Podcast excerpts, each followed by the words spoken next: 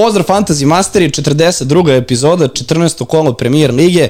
Pre svega na samom početku da se zahvalimo našem glavnom sponzoru Admiral Betu, bez čije pomoći svakako ne bi uspeli da, pa daj da kažemo, stignemo konačno do ove 42. epizode i što da ne, da nastavimo do, do kraja same sezone.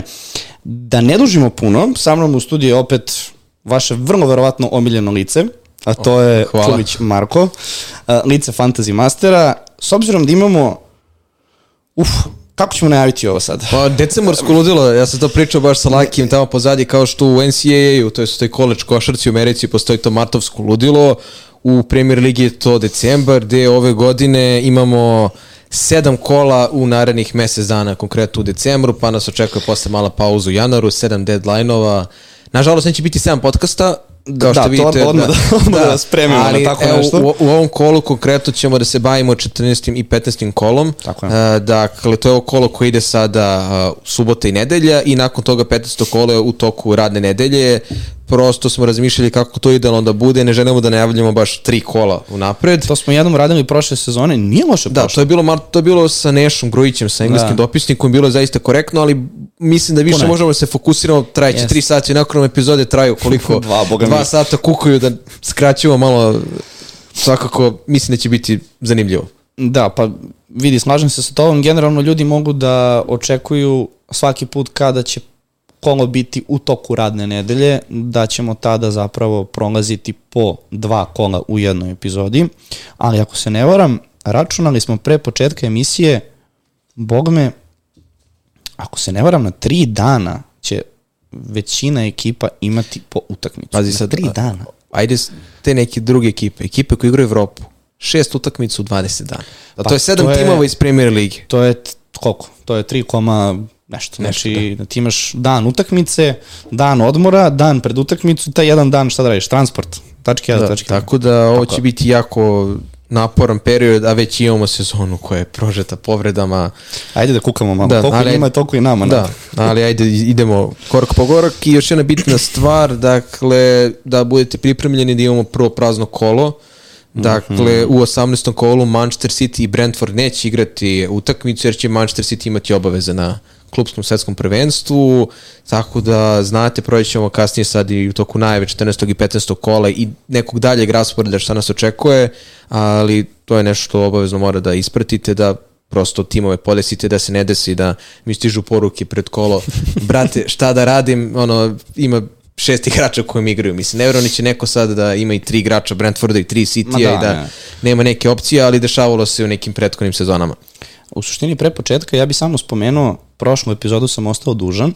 Imali smo pitanje šta se dešava sa našim pobednicima meseca. Uh, verovatno su se ljudi zabrinuli da smo samo odustali od toga, naprotiv.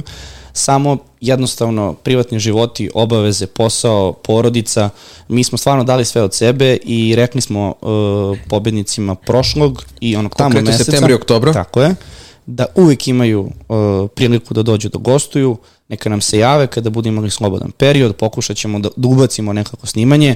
Mi svakako i dalje stojimo pri tome da svaki pobednik meseca je dobrodošao, tako da i sledeće nedelje, kada je generalni termin za našeg pobednika meseca, ja se nadam, već smo se dogovorili sa momkom, pa ako uspemo, je.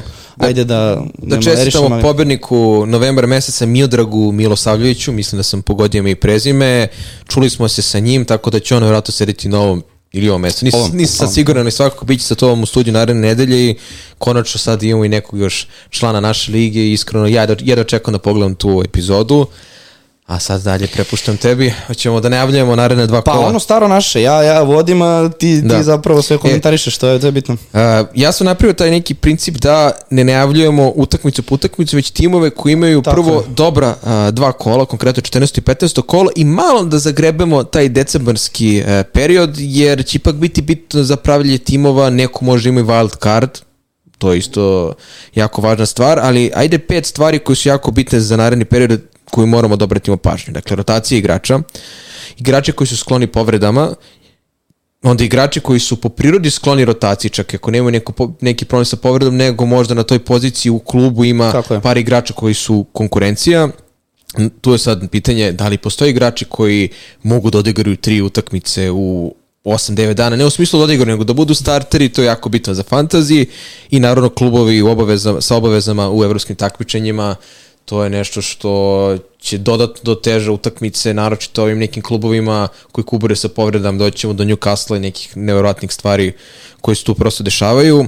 Ali evo, Pa dobro, i žuti kartoni. žuti, žuti kartoni, tako je, ali ajmo da krenemo, vidiš, imaš i sam pripremu. Pa dakle, da, ja, sam- ja, bi, ja bi krenuo prvo od ovih opštih pitanja. Da, nekako, e, može opštih pitanja, da, nemam pitanja kod sebe, ti to imaš, tako da... Tako je, da. Uci. O, pa da, prvo pitanje, kako, Kako smo? smo? Super, hvala na pitanju, iskreno, kako sam dobio ovaj dres, uh, da ovaj dres Reale Sociedada, na leđima je naravno Umar Sadik, dobio sam ga kao poklon za moj rođendan, on je bio davno u oktobru, ali je sad stigao pre par dana, iskreno, baš me opredao, onako, jurimo tako dresove brojnih ekipa, ne uvek tih najpoznatijih načih, tako da ovo idealno pojačanje, to sad znaš. tvoje ili ćeš ostaviti ovde da, da koristim? Uf, to je dobro pitanje, ali svakako...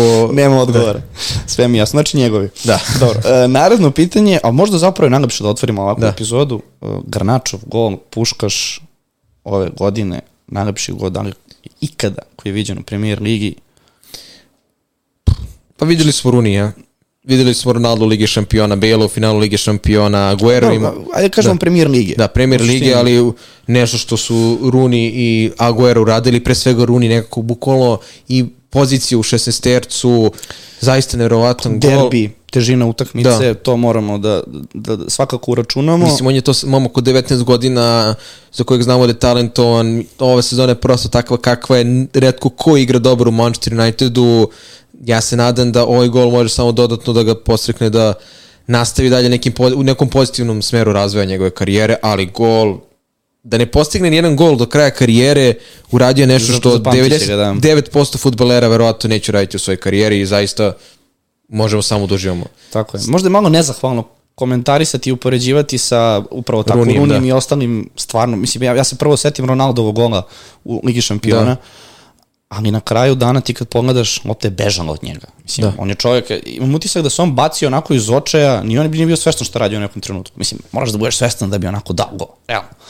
Ali u jednom trenutku što ti kažeš, šokirani, šta se desilo, znaš, ne, stvarno, stvarno prelep gol, Vrlo ali verovatno, ako ne puškaš bar u tri u konkurenciji, ne, neko baš mora postigne još neverovatni Pa gol. to, to, to je, ako, ako ovo nije gol sezone, ja ne znam onda Pa, što, ko, pazi, koji će ja, biti. ja sam mislio da će Olisa u gol da bude jedan kandidata za gol sezone koji je postigao protiv Lutona, jer je zaista bio prelep, ali ovo trenutno nema konkurenciju, ako ište bar u premier ligi ove sezone. I teško da će nešto slično moći da se desi svakako.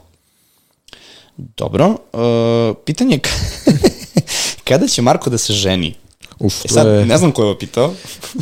Pa, ni, ni, nisam izdvajao sad uh, imena baš svih ljudi, ali on, onog dana kad me ne bude, bude u podcastu i Bože. kad, kada izađe ono obaveštenje da gasimo fantasy mastere, eto to je možda... Kako dan to kad misliš? Ne? Šalim se, ali kad ne bude možda mo, mogu ovoliko da se posvetim, Mašina ne sme da stane. tako je.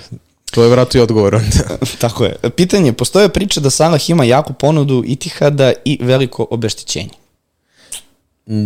Znao sam za tu priču u avgustu još, kada je bio uh, transfer rok, nije mi nešto to sad izašlo i mislim da je Klopp par puta izjavljivo da je Salah tu da ostane i da je Salah deluje pa bar do kraja ugovora sadašnjeg da je voljan da ostane, tako da moram dodatno sad to da istražim, mada i dalje mislim da je jako nerealno, naročito sad za zimu, a na kraju sezone da napusti Liverpool, osim ako dođe do nekih tektonskih promena, ali ajde da sačekamo, ništa više ne znamo kada su u pitanju kada je u pitanju novac iz tog dela sveta. To je sad dobro pitanje da li pričamo o zimskom prelaznom roku ili narednoj sezoni. Nekako ne vidim Salaha da u sred U, sezone... ovoj sezo- treba- u ovom trenutku gde se bore za svet skoro trofeje, mislim, dobro, ajde, naravno. trofej Lige Evrope, bez obzira što oni vjerojatno ne računaju kao A Ligu da šampiona, će ali se, da, da. od početka sezone očigledno da je motivisan da i dalje nešto osvoji, da igra u je. Europi, sumnjam da se u tih šest meseci nešto promenilo, od sledeće sezone dosta faktora, stvarno dosta faktora, tako da i, i to evropsko prvenstvo koje će se desiti, možda će neko isplivati na, na tu scenu, možda Liverpool e, kupi novog igrača, možda se ispostavi da je fin, iz finansijskog ugla stvarno e, logičan potez Da. njegov odlazak u Saudijsku Arabiju, ali to je sve i dalje reklam kazano. tako je. I dalje. Dobro, pitanje je uh, konkretno ko ima najbolju scouting službu, pretpostavljam da je, mislim, Pa, u Premier Ligi, da. Pa ajde da se ne držimo onih najjačih timova, jer oni imaju vratno najveću i kupovnu moć i tu neku najjaču mrežu. ja mislim da najbolje uh, scouting, sad najbolje scouting mrežu bi trebalo da imaju Brighton pre svega zbog načina koji menjao sve igrače Apsolutno. i Brentford koji prati uh, taj nek njihov sistem još od njihovog vlasnika i u Midlandu da imaju iste vlasnike pa eto da izdvojimo ta dva kluba kao tima sa nekom najboljom scouting službom u odnosu na uslove koje imaju jer Brighton je svakog igrača umeo da zameni nekim futbolerom koji nije bio toliko poznat široko javnosti kao što su uh, Kukurelju zamenili Stupinjanom, tako su skoro svakog igrača mogli da zamene, jer prosto nije bitan igrač, bitan je sistem na kraju, ali opet bitan je taj igrač da se uklapa u tom nekom sistemu koji njima odgovara, nije bitno ime. Ti si mislim u nekoj od onih emisija gde Jeste, nisam spominja, ja. manji bol. Da. Da, slažem se s tobom, da. Brighton je svakako mora da bude na prvom mestu, ako sagledamo ugao e, samo, same Da. ekipe, dakle, Kad- sa, samo kluba. Ne kad- možeš da ga porediš sa jednim Kada pričamo o nekoj- da, kada- mada tu sad Kada, već da, ulazimo. kada pričamo o nekoj Evropi, Borussia, pa to mi padaju na pameti Portugalci, da bi portugalski klubovi, Sporting, apsolutno. to jest Benfica, Benfica, Porta, Benfica. pr- pronalaze sjajne Brazilci, Južnoamerikance. Nam da neki klub sad, da li iz Premier Lige krenuo da pravi a, svoju, kažemo, futbalsku školu u Africi, samo mora da ispratim za koga to je bila priča, ali svakako Pa dobro, da se da, to je- o- u ozbiljnim državama i ligama aktivno radi na tom scoutingu, jer to je jako bitan segment. Apsolutno. Složio bi se s tobom, svakako rekao sam Brighton, ali, znaš koga zaboravljamo po meni? Newcastle.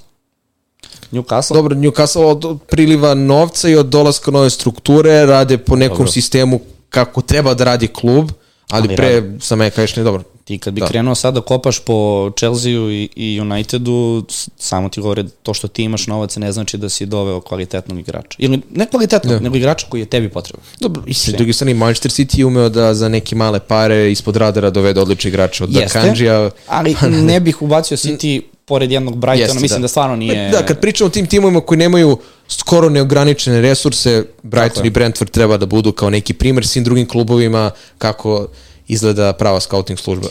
Uh, apsolutno se slažem. Uh, pitanje očekivanja engleskih ekipa u Ligi šampiona, pozdrav za najjači tandem.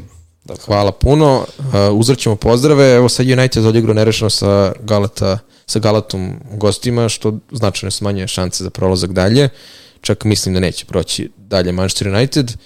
Što bi trebalo da znači da Manchester City ostaje kao tim koji je sigurno prošao u dalju fazu. Arsenal bi isto trebalo da bude Ne, ne, tim Arsenal koji prolazi. će...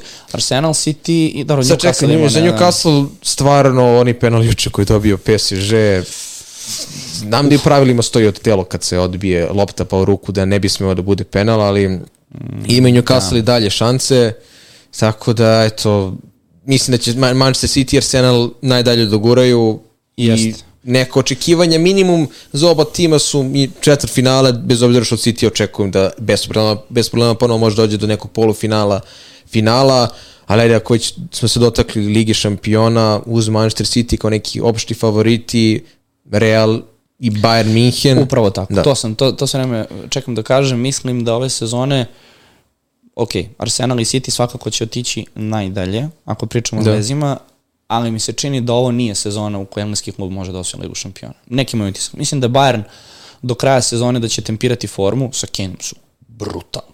Brutalni, Real je Real. Ne možeš nikako da ih, da ih uh, otpišeš u Ligi šampiona, tako da Pazi, PS, PSG muči se mnogo, to su sve neke ekipe koje mi ponavljamo, ali nekako, evo, ajde sad, čisto da bi bilo interesantno, rekao bih da je, da je Bayern tu možda favorit, a City ove sezone kao neko ko brani titulu, mislim da previše štucaju ove sezone. I da mora sačekamo da se vrati De Bruyne, kad bude kompletan dobro, sastav, jest. trebalo bi da I bude. imaš tu i Stonesa, slažem se, ali opet, ako se po jutru dan Da. poznaje, to je možda neko Da. koje to kažemo Bayern. Evo mi I- dalje se vratimo. Pa da, ajde, da, da krenemo, krenemo polako. pitanja ovako? Uh, pa, znaš kako, krenut ćemo prvo svakako od Arsenala. Mhm. To je prva ekipa koju smo izabrali za analizu. U 14. i 15. kolu oni igraju kod kuće protiv Wolverhamptona i onda narednu utakmicu u gostima protiv Lutona. Da ne čitam trenutno sada dalje raspored. Pitanje je kako se postaviti što se tiče Arsenala, da li je Arsenal u jednom trenutku zapravo postao samo Saka, mada, s druge strane imamo ozbiljan izbor defanzivaca koji kada pogledaš Da. statistički doneli su dosta bodova i ako pogledaš sad Arsenal manje više se smenjuju sa Cityjem po tom najboljem defanzivnom Ratingu i Tako je, ratingu. Kako njih sada postaviti? Da li tu ima mesta za jednog Odegara, Martinelija, znaš, taj, taj program sa Naketijom koji najviše golova malte ne dao, čovjek je Najbolji strelac tima. najbolji strelac, čovjek i dalje nije sigurno starter. Da. Mislim, mnogo nekako neprepoznatljiv Arsenal u odnosu na prošlu sezonu. Da. A pričamo o ekipi koja Pazi, je... on, ono što se meni može dopada kod Arsenala što, što je mnogo manji hype, Znaš, prošle sezone, u jednom trenutku kad je bilo, mislim, plus pet, i već su bile onako priče kao da li se vraća titula posle skoro 20 godina. Ove godine možda malo manji hype, jer to nije, nisu toliko ubedljivi nastupi, ali opet izgledaju kao taj neki šampionski tim koji kada ne igra dobro na kraju dođe do tri boda. E sad, e, kada sam ja pravio ovu pripremu, da i vama bude prosto jasno, dakle, izdvajao sam timove pre svega koji imaju prvo najbolju utakmicu u 14. i 15. kolu i koje tu imaju dobar raspored u decembru. Na kraju, kada budemo dolazili do drugih timova, dakle, ovo je sada niz nekih skoro desetak klubova koji imaju dobar raspored u narednom periodu. Pa Dobro. da znate, da. Shvatit ću u nekom trenutku. Da. A, Arsenal, dakle, realno od tih svih igrača kada pričamo o ofanzivnom delu terena i sredini, Saka je jedini koji je bio gotovo uvek konstantan, ali Saka sa 59 pojena nije skroz na samom vrhu kada su u pitanju igrači na sredini terena, ali i u poslednje vreme deluje nekako bezopasno po gol, da on sam postaje gol, opet dođe do nekih asistencije, bilo je onih fatomskih, kao što je dobio Neketi asistenciju poslovnog kornera, ali je neko ko će realno biti najbolja opcija za fantasy, kako zbog njegovog procenta vlastištva, drugo kao neko ko je prosto najbliži poenima, kako što se tiče asistencije golova. Mnogo, mnogo veće pitanje je zapravo da li uopšte vredi imati nekog drugog iz Arsenala da nije defanzivac u Saku. Jer kada pogledamo, njega prati Odegaard po broju poena, a nije odigrao, e. na primer, tri utakmice prve poslednje zbog povrede. Dakle, koliko drugi igrači nisu uspevali da donose poene ili nisu bili tu dostupni, a treći igrač na sredini terena po broju poena je Rice, koji, je, koji ni po prirodi nije zanimljiv za fantasy, jer ne, njega ne očekuješ toliko poena. Tako je. Ja mislim da ovdje fokus treba da bude na Saki i na nekom defanzivcu ili eventualno golmanu Raj, jer kada pričamo o defanzivcima, u top 5 defanzivaca u fantaziju su Saliba, Zinčenko i White po broju poena. Dakle, Arsenal je po tom statističkom defanzivnom ratingu najbolj odbrana Premier lige, dakle šest puta su sačuvali mrežu, one XGC je negde oko 10, dakle broj očekivanih primljenih golova je oko 10 i primili su 10 golova, što je najmanje uh, golova u Premier ligi. Dakle, imamo sad taj raspored koji je zgusnut, tu bih isto bio oprezan kada bih preporučivao defanzivica, možda preporučim pre Salibu nego Zinčenka, jer je Zinčenko Apsolutno. neko ko je sklon rotaciji da u nekom nizu utakmica plus Ligu šampiona može da počne na klupi i da ne dobiješ clean sheet pojedin ako ih bude. I ne samo to, skro, mnogo je, da kažemo, veća šansa da ćeš Da. Ševčenka vidjeti povređenog u nekom 40. Tako, e, to je isto problem za, 60. za. Vajta gde možemo vidjeti nekog Tomijasova na njegovoj poziciji, pa čak i Gabriel Štoper koji posljednje vreme konačno ima one minute koje smo očekivali, može, da se de, može da se desi da neka utakmica bude na kojoj će on početi sa klupe. Sve je super ako Arsenal pobedi 3-0, ali nekog na fantaziju može dobiti jedan poen ili pukom srećom ako ne ođe da ima nekog na klopi. Tako da uz Saku bih preporučio eventualno Salibu kao neku zasigurnu štopersku opciju, mada stvarno ne mogu ni ja da dam ruku da u jednom trenutku možda on neće dobiti odmor. Ipak je ozbiljno zgusnut raspored, plus Arsenal ima obavezu Ligi šampiona. Dakle, šest utakmica u 20 dana, nije naravno samo za Arsenal, već za sedam premier ligaških ekipa. I golman Raja, Dakle, on nije branio od početka sezone, ali ima konkretno dobru statistiku, osam utakmica, če- četiri puta je sačuvao mrežu. Dakle, on može bude neka od golmanskih opcija, jer ove sezone zaista malo ko može da se osloni na clean sheet. Dakle, nije ni smak sveta sad ono da nemate nekog iz Arsenala ili nemate neki defanzivce koji su onako velika imena iz velikih klubova, ali u ovoj situaciji prosto ako Arsenal je već statistički najbolje odbrana na ligi, imaju solidan raspored, dakle Wolves kod kuće, Luton u gostima, Pa pazi, uh, to su dve naredne. Da, dve naredne. Onda imaš Aston Villa u gostima, Brighton kod kuće, Liverpool u gostima, West Ham kod kuće. Sve su timovi koji ofanzivno mogu da naškode i tekako. Ali ako neko ide tom logikom, ajmo da se bavimo čistom statistikom, Arsenalova odbrana je to najbolja trenutno i, dakle, prošli smo igrače koji tu mogu da budu zanimljivi. Što se tiče napadača, eto, Neketija, ja sam njega Dobro, baš vidi, imao... ljudi pretežno pitaju upravo to za Odegara, da li može biti neki diferencijal, da li dati poverenje Saki, Znaš šta i meni da su tu? spominjali Žezusa. toliko, opciju, ali toliko to je- ima igrača na sredini terena iz lige koji su i jeftini i kvalitetni da mogu da donesu poene da imam i Saku i Odegarda, mislim da bi bilo ne. previše, još bi imam još nekog trećeg iz Arsenala odmah Ne, ne, ili ne, nemam. ne, ne, ne, ne, ne, mislim da je to trenutno previše hrabra uh, varijanta, da može da, se pro, da može da se preživi i bez tih igrača jer neće da naškode jer su već diferencijali. Da je tu Saka već neko ko je obavezan jer njegovi poeni fantasy igračima koji ga nemaju će prosto da naprave štetu. Isto kao što i Saliba ima visok procenat vlastištva. Slažem se, slažem se. Naredna ekipa, ako ćemo suditi po, da kažemo, pa, lakoći, ako ćemo to tako Težine nazvati. rasporeda. Pa mislim, ali ovo, je, ovo je lak raspored, pa ne bi baš da, koristim težinu. E, to je Liverpool, gde u 14. i 15. kolu prvo dočekuju Fulham, a onda u narednoj utakmici idu na gostovanje Sheffield United. Dok u mene pitaš, još lakši raspored možda nego Arsenalu, ali ajde, ako gledamo formu i ceo učinak iz fantasy ugla, sad pričamo o Liverpoolu, e, svakako tu imamo opciju Salaha koji definitivno ima najviše poena. Sad i najviše poena na fantaziju, dakle ima više poena od Halanda, Tako je. 103 poena. A nekako smo otišli u tom smeru da o njemu pričamo kao igraču koji nije baš toliko, a ne kažem popularan, A ali... dobro, to je bilo pre, ali mnogo mu na početku ne sezone možda, ali ja, ga, ja sam ga isto doveo i trenutno i njega i Halanda imam. Doći ćemo posle i do Halanda. 103 poena, sam, na samo dve utakmice ove sezone od 13 nije doneo poene. Jeste. To je zastrašujuće, bez obzira što nije na svakoj utakmici bio dvocifren. Ima više utakmice da je doneo 5 poena nego da je doneo 9 ili više poena. E, upravo to. Z zato je moje pitanje od ta 103. Koliko je objektivno neko uzeo na Salaha poena? Ok, da ga ima od prvog kola pa do sad to je 103. Ali ljudi su ga imali ili od petog, ili od trećeg, ili od osmog kola, zavisi. E, koliko je on tu poena zapravo njima doneo na to nepoverenje. To, to, to sam hteo da, Da. spomenem. Dok s druge strane imaš gomilu napadača iz Liverpoola koji bukvalno skupljaju mrvice poena.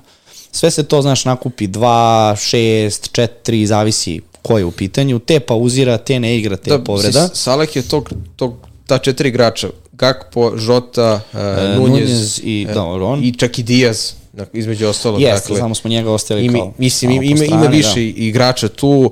E, on je jedini bio apsolutno konstantan i kada je u pitanju minutaže, i kada su u pitanju nastupa. Ma ne prikosnovanje. Pazi, oni koji ga prati je Darwin Nunez. Dakle, kontroverze, njegovi nastupi, promaši, sve to... Ali on ima svima jasno. brojke. On To je- ima brojke. To je, za fantasy jako bitno je da tebi napadač ulazi šanse. Bez obzira što je jako stresno imati napadača koji će ti promaši prazan gol i da ti onako baci u nevericu, ali opet taj napadač će češće doći u priliku da donese poene nego napadači koji teže ulaze u šanse. Pričamo o Darwinu Nunezu. Na 12 utakmica ima 6 golova i 4 asistencije. To nije loša statistika. To, je fantastična da, brojka. Gledamo, kada gledamo na papiru, Ali- onda će neko kaže, čekaj, druže, on je morao da ima 13 golova i 9 asistencija, ali 13 pod... da, ono što je ohrabrujuće, Pa daj, man. ohrabrujuće iz nekog ugla a, Darwina Nunjeza su vesi da je nažalost Žota teže povređen, ponovo zadnja loža, dakle to je sigurno, ako je teže povređen bar mesec, mesec i po dana, Klopp nije tačno definisao koliko će da odsustvuje, ali bi to trebalo da zacementira već sigurne minute Nunjeza koje je imao poslednje vreme, on jako dobro sarađuje sa Salahom. Ja sam to spomenuo na nekim prethodnim epizodama da je on zapravo neko ko je više puta asistirao Salahu nego što je Salah njemu i verujem da Ali to nije Salahova krivica. Da, znači, nije Salahova. čovjek Da. mu da prazan gol Da. i loptu na 2,5 metra i on će Pazi, promašiti. ovde, Šta hoćeš više? ovde Šta legi... više? Da će ti više bitno da se pobedi tu, ali me, po mom mišljenju ovde isto legitimno pitanje kao za Arsenal, da li uh, je iko potreban sredini terena napadu osim Salaha? Dakle, Kao, imati ga u ima, imati, ga- imati ga u fantaziju, da. Dakle, imamo, ako imaš Salaha Saku ili ne veze jednog od njih, da li ti potreban jedan Darwin? Jer mislim da i Diaz, Gakpo, por, naročito pa i Sobošli je samo zauzimanje mesta drugim jeftinim futbolerima iz drugih timova koji izvode prekide penale ili su bliži poenima. Apsolutno. Darwin mi deluje tu najbliže, najraniji jer je napadač, jer Liverpool ima dobar raspored, jer po tom nekom zakonu velikih brojeva. Evo sad idu Fulham i Sheffield. Nemoj da te začudi da protiv Fulama ima 2 ili 17 bodova, a onda protiv Sheffielda promaši sve živo. Ili, još gore da na ove dve utakmice, Promaši sve promaši živo. sve, onda na nekoj utakmici gde ne Dođe- očekuješ dođe Aston Villa. Manchester O, United Bože, kod kuće. Manchester United kod kuće postigne tri gola. Mislim, to je ne, taj neki rizik sa kojima vlasnici uh, Nunjeza moraju da se nose. To je nešto slično bio i Virtul Zaha. Dakle, bio u stanju da promaši penal, dobije žuti karton, ne uradi ništa i da ti postigne dva gola i da, Da. bude sve kako treba. Mislim da je Darwin baš onako jedna, uvek volim da kažem, egzotična opcija. Iz razloga što nekako sad pričamo o Haalandu i Watkinsu konstantno i sad ti kad ubaciš Darvina, logično je da si u nekom trenutku dodao već Salaha, da. ako već pričamo o Liverpoolu. I to je ono što ti kažeš, ti sada razmišljaš ok, imaš Cimikasa kao opciju gde smo sve ljude alarmirali. Znači, ajde, Cimikas, Cimikas, Cimikas, jefti, nema Robertsona, donosit će poen. I ispoštovao je, nije da nije. I sad kako ćeš ti da imaš tri igrača Liverpoola u- da ubaciš u svoju ekipu? Malo je na, previše dobrih opcija, a ne možeš da oprostiš Nunjezu da igraš fantasy, da gledaš rezultat i da pratiš utakmicu i ti sad vidiš Nunjeza koji će sa dva metra da, da promaši futbol. Mislim, u toj situaciji ti čupaš kosu. Pored jednog Watkinsa koji iz utakmice u utakmicu ulazi u fantastične šanse i može samo verovatno jedan offside da ga spreči ili eventualno neka parada golmana i da zaustavi taj pogodak. I naravno imaš norvešku mašinu sa druge strane. Da vi- tu, tu fali. Da. Tu fali. Pazi, sad kad si spomenuo defanzivu, Liverpool koji je imao tri clean sheeta na posljednjih pet utakmica, a ta dva clean sheeta koje nije imao je utakmica protiv Lutona i protiv Manchester City. Mislim, Pa, onako malo para, paradoks. A, Cimika se ispostavio kao pun pogodak, kao u vidu zamene a, za Andy Robertsona, naravno što je jedna utakmica, mislim, protiv Brentforda. I eto, on ima, po mom mišljenju, prednost odnosu na Darvina, Apsolutno. jer Liverpool ima sad takve utakmice gde bi mogao da se nada clean sheetu, ono što je možda veliki problem je što nećemo vidjeti Alisona. Klopp je rekao da će verovatno biti spreman one tamo nedelje, a ona tamo nedelja je već tri kola. Dakle, mi sad imamo jedno, drugo, treće kolo. Vidi, Fulham, Fulham, Sheffield, Crystal Palace. Da. E, uz dobru odbranu i Kelehera na golu bez kiksava, doduše nisam siguran pre će Keleher biti na golu nego mm -hmm. Adrian, verovatno ima i pitanja da li Keleher može bude opcija za 3,9 miliona. Pa ima, mada... Ja ne bi, mislim, golmanske opcije kad već imamo ovakvu sezonu gde clean sheet nije neka česta pojava, ne bih trošio transfer na Kelehera pa da ga posle ponovo a, prodajem za neka dva, tri kola, bolje da dovede neko Cimikasa ako već želi da ima defanzivca Liverpoola, jer možemo je. da bude mnogo konkretniji kako u napadu. Jeste. E, sad imamo i Aleksandar Arnolda, zaboravljenog, realno. Deveti da. defanzivac lige po broju poena, dao je gol uh, Manchester City-u. Bez obzira na sve, ja mislim da je njegova cena Ma njegov ne. najveći teret. To je, da, kada bi u fantaziju postojao ne, ne, ne, neki, ne znam kako to da nazovem, ali kad bi postojala promena cene na, na, na, na, na, u zimskom periodu, da. ili samo da se napravi neki restart, ok, verovatno bi se cena spustila, pa bi bio ovaj, mnogo, da kažemo, pogodniji. Ali njega ta cena prati od prvog Da, kola, pazi, on više ni, ni, ni ti Magret, ne viš, možeš pazi, i ove sezone ima značno manje onih utakmica da je tri bonus poena, da ne pričamo o tolikom učešću u asistencijama, bez obzira što je i Darwin Nunez dobro, njegove asistencije često uprskao, ali eto, poprilično je pao drugi plan, M, verujem da će to da traje, jer je ovo prosto takva sezona gde očigledno nije fokus na defanzivcima. Dakle, zato se jure jeftina Tako opcija, jer ako već ne računamo na bodove, daj da probamo da imamo nešto jeftino, da imamo neke ofanzivne bekove, nešto što može da donese poene u napadu. To je to što se tiče Liverpoola. Pazi, da, ima jedno jako dobro pitanje. Da. Jako dobro, ostio sam ga za, da. za posljednje pitanje za Liverpool. Da li ići u minus četiri tako što ćeš prodati Sona za Salah? Pazi, ovo je, ako, ako, ako već neko nema Salah u ovom pa, pa uh, nema, znači ima Sona, Ja mislim da on, zbog ovog rasporeda i zbog procenta vlasništva koji će imati Salah, gde će verovatno ponovo biti preko 100%, jer će sada se kolje sa Haalandom zbog dobrih utakmica, da bi morao neko da ima Salaha, jer više nije pitanje ja neću da imam Salaha, ne sviđa mi se, ako neko gleda fantasy nekog ozbiljnijeg Google hoće da juri plasman, mislim da je previše da se dozvoli da igrač koji ima 100, 110%, nekad i više 110% efektivnog vlasništva, da ga nema u timu, naravno što će ovo samo da raste sada s ovim utakmicama. pritom Son igra protiv City-a, West Hama i Newcastle kao Da, ne naredni možemo tri samo da isključimo Tottenham protiv City-a uglavnom ume da pronaći neku Dobro, formulu, naravno oni Kuluševski, West Ham nije dobra defanzivna ekipa, daleko od toga da Son neće doneti poene, Ali i on- ima pro... Znaš ko se pita ovde najviše? Madison. Madison. Dakle, kad bi Madisona pitali, ok, druže, planiraš li ti da se vraćaš Pa na teren? do januara da Pa vrati, neće, da. naravno, ali u situaciji kad bi se Ali, vratio, pa i ajde. Proste ali- brojke, bez Madisona, tri utakmice od kako se povredio protiv Chelsea, Son bez poena. Dao je tri gola, dao je tri gola Aston Villa, to jeste, ali tri puta je bio u offside-u. Ne važi se. Ne važi se. Svakako, ja bih to uradio. Dove, dove bi u nekoj varijanti Salaha da ga nema. Isto, isto. Mislim da, da će se to već isplatiti u narednoj Da. utakmici, ta minus 4, tako da to mi se baš pitanje ovaj, svidalo.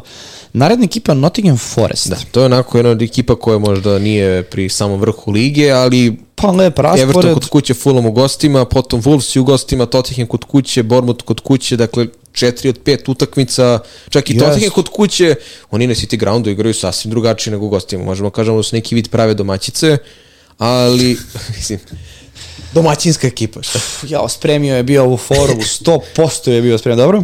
E, bar u Nottingham Forestu nemamo previše opcija, ali znamo ko je tu, ko vediri oblači u timu, to je Morgan Gibbs White, njega sam ja baš doveo pred ovo kolo, izvodi penale, izvodi prekide, neko ko, od koga zavisi manje više cela igra. Pa bez Avonija, to je definitivno Pa, dobro, prvi ima izbor. Krisa Vuda, ali i bez ovo nije Pa bi da, možda Da, nije, bio. nije to to. Nije to to. A drugi igrač, baš me je na momak pitao, to može bude Anthony Langa, da je dva Jeste. gola na dve utakmice, sve su to diferencijali, 5,7 miliona je Gibbs White, 5 miliona je Langa, u ovom nekom rasporedu, ako jurite prosto te neke jeftinije varijante na sredini terena, ako za koje želite da vam prave razliku, jedan od njih dvojice više nego dovoljan, obojica bi baš bilo hrabro, ali Nottingham Forest ima solidan raspored, zaista ispred sebe ima Everton kod kuće, ne znam, evo, izgubili su protiv Manchester United 3-0, koliko će da ih poremeti na duže staze ovo oduzimanje bodova, ali eto to da razmislimo nekim diferencijalima, eto, njih dvojica. Da. Pazi, e, drugi, peti i deveti decembar. Naredne, naredna tri kola. E da, tu je, tu je, da se vratimo na tu priču oko, da nismo završili za Liverpool i za Arsenal. Da li će moći, koliko ćemo puta vidjeti, sada nema Žote, pa je malo manja rotacija, dakle imamo Nunjeza, imamo Diaza, imamo Gakpa, da li će svaki put sva trojica startuju i da li će uvijek neko da bude rotacija. popunjavaju da. špica i levo krilo. Nema tu, mislim, pa nema šanse sada da propusti, ako je zdrav, I, e, ne vidim... isto, isto da se vratimo za Arsenal. Na Keti je Žezus kao dva kandidata a, za štatnog napadača. Ja sam siguran da Žezusa neće sigurno forsirati osim ima Korteta kao za Saku tvrdoglav. Morat će neko da počne na Ketija i imamo i tu problem te rotacije. Čak i Martinelli i Trosar mogu da vide klupu. Mi pričamo o Saki koji je tu kao najsigurnija opcija, koja je konstantno rovi ove sezone, ali očigledno on će da igra sve dok može da stoji sa obe noge na terenu. Ma, ovo, ovo će da Da. pošalje E. Saku na neku prijateljsku. Da, Za- za- zašto je to bitno? U. Nottingham Forestu i tim malo slabijim timovima koji nemaju toliko širok uh, sastav igrača, takvi igrači neće se odmara. E, to je, Ja, to, to, zato ja ne, ne, ne datume. mogu da vidim utakmicu će Morgan Gibbs ovaj da bude na klupi jer eto potreban mu je odmor ili umoran. To je, to je zapravo i ključ mog pitanja, Da. zato sam ti rekao te datume. Imaš Gibbs White-a imaš Elangu. Koja je po tebi veća, ajde da kažemo, veća šansa da će odigrati sve tri Gibbs, utakmice? Gibbs fight i tako prosto gledaš. Dakle, ako se neko dvomi između ova dva igrača, ta razlika u ceni od, ako se ne varam, 0,7 0,7 miliona, opravdava se time što je Gibbs White neko ko će, a ne možemo biti sigurni, Da. ali skoro, Najveće, na najveće šanse ima u celom timu Tako uz je. možda Odiseasa na golu da, da započe se utakmice, eventualno štopere kao neke pozicije koje se najmanje troše na utakmici. Tako je.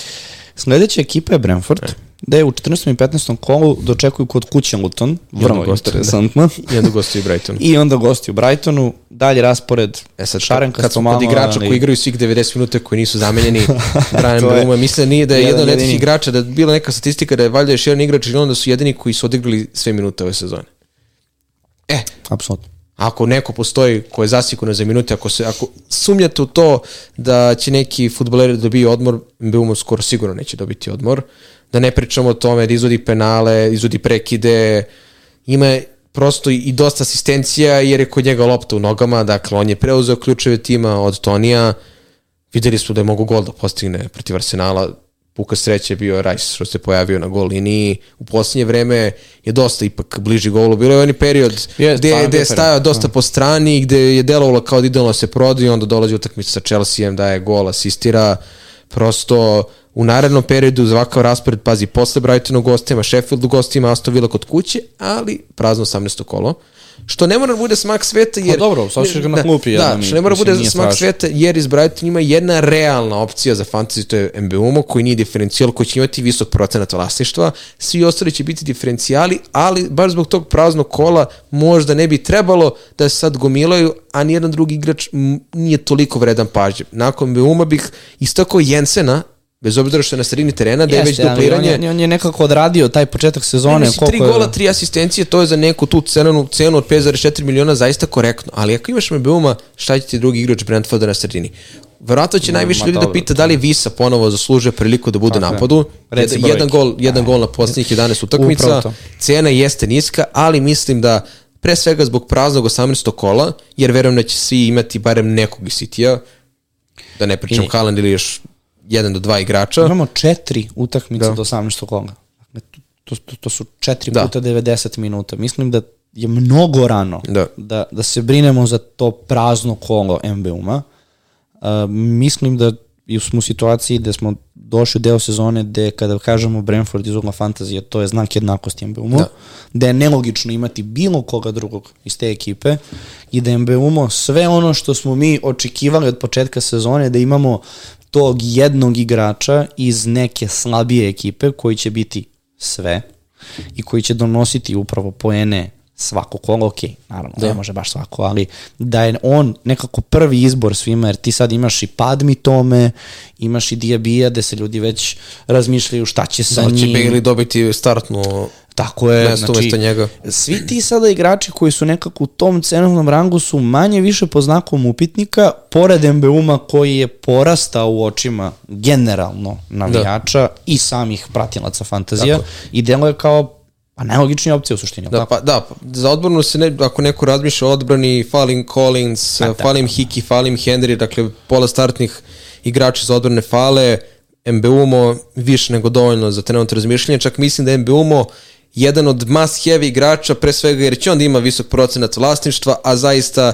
u 70% situacija ako Brentford bude davao gol, vratno će on biti uključen tu. Tako, Tako da, je. Pored utakmice sa Lutonom koja je kod kuće, Da. sve ostale utakmice, ajde, Brighton, Aston Villa, Crystal Palace, Nottingham Forest, stvarno svaka ekipa može da im da gol. Bez problema. I stvarno što ti kažeš, stvarno se nameće. Samo jedan igrač iz te ekipe i pa ne, ne možemo kažem ćeš da pogrešiš, jer ako ne donese bodove na kraju dana, neće doneti većini. tako. I možeš zapravo sa njim, ali ko uradi nešto, a ti ga nemaš, tu se već Ima neka pitanja za Brentford. Uh, pitanja za Brentford, da, pa dovesti Mbeuma, da li ga staviti na kapitena, u zagradi triple, to mi je već malo... Eto, triple captain. da li dovesti Mbuma, došli smo do toga da bude triple captain protiv Mm, Lutona. ne. Uh, moj neki stav generalno Nemojte, triple ljudi. captain, najmanje volim uh, taj čip. Uvek ga iskoristim onako školski praktično za uh, neku duplo, Duplo kolo. kolo, Je bilo da. pitanje kad će duplo kolo? Pa vidi, ima. Ima. E, pretpostavka, da pretpostavka da će duplo kolo, ovo je jako bitno, pretpostavka da će duplo kolo biti 20. kolo kada će Manchester City i Brentford da nadoknade. Ako se to desi, Manchester City, mislim da ima Sheffield, Sheffield kod Brentford. kući i Brentford u gostima, zaista Haaland triple captain, nameće se. Jeste. I čak Brentford ima Crystal Palace pa Manchester City, to nije loše da imaš Mbuma ponovo koji može Jeste, da Crystal se... Palace i, i Da. City u tom slučaju. A u tom trenutku, je to period posle nove godine? Vraća se Ivan Toni. Uh, 20. kolo je 30. decembar. 20 ništa onda. E, ali jedino ako to, taj, ta utakmica bude nakon nove godine, mi treba da znamo da se Ivan Toni vraća e, nakon nove godine, naravno ne znamo... Jeste, ali, ja sad ne znam koliko je on stvarno spreman da se iste sekunde da. infiltrira u ekipu. Mislim, to je sada malo duža priča Da. i da li će on odmah dobiti priliku i da li treba odmah da dobije priliku, da li će tek na kraju sezone. Mada ako gledamo iz ugla Brentforda, ako ima u interesu da ga zapravo prodaju, Da. tu je sad pitanje. Da li ga vratiti u ekipu da pokaže da je on i dalje Toni i onda ga prodati ili ga samo ostaviti sa strane i za neki novac na osnovu prethodne sezone zaraditi neke pare i kao... Vidjet ćemo, mislim da je Brentford njemu ostao realno lojalan da će, ako išta ostati do kraja sezone, pa za dalje Da. Dobro. vidjet ćemo. Naredna ekipa West Ham. 14. i 15. kolo su kod kuće Crystal Palace i onda u gostima, boga mi, Tottenham.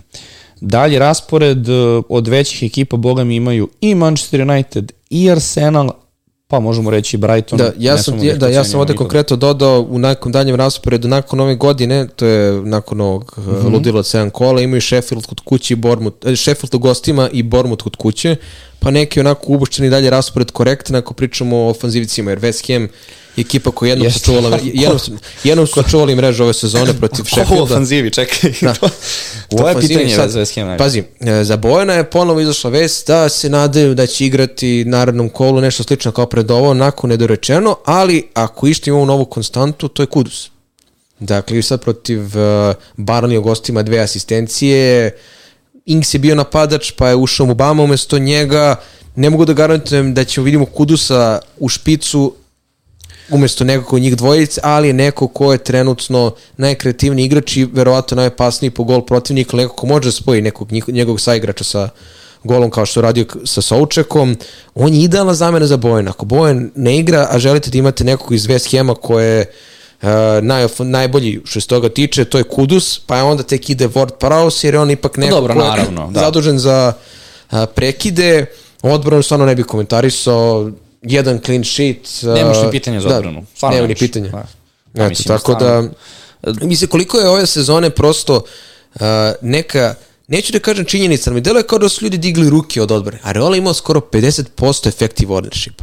Jeste jeftin, ali golman koji je jednom donao clean sheet ove sezone, dakle, ljudi ga prosto drže jer ima neku nisku cenu i ako donese poene donaje. Između ostalog je meni golmanski par neto Areola. Ko je beš ono izjavio, ko radi transfer na, uh, za golmana, uh, Taj baca transfer, šta? Ta, ne bacu, ta bio malo agresivniji, da se izrazi, to je glup čovjek.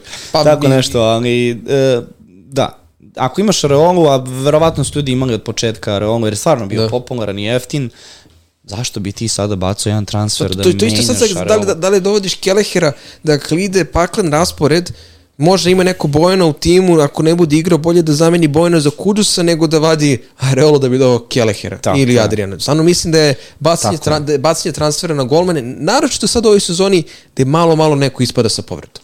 A sve bitni igrači padaju. Ja bi se nadovezao na tebe, ti si rekao nekako ti deluje da su svi zapostavili tu odbranu ove sezone. Znaš šta je meni do sada nekako utisak?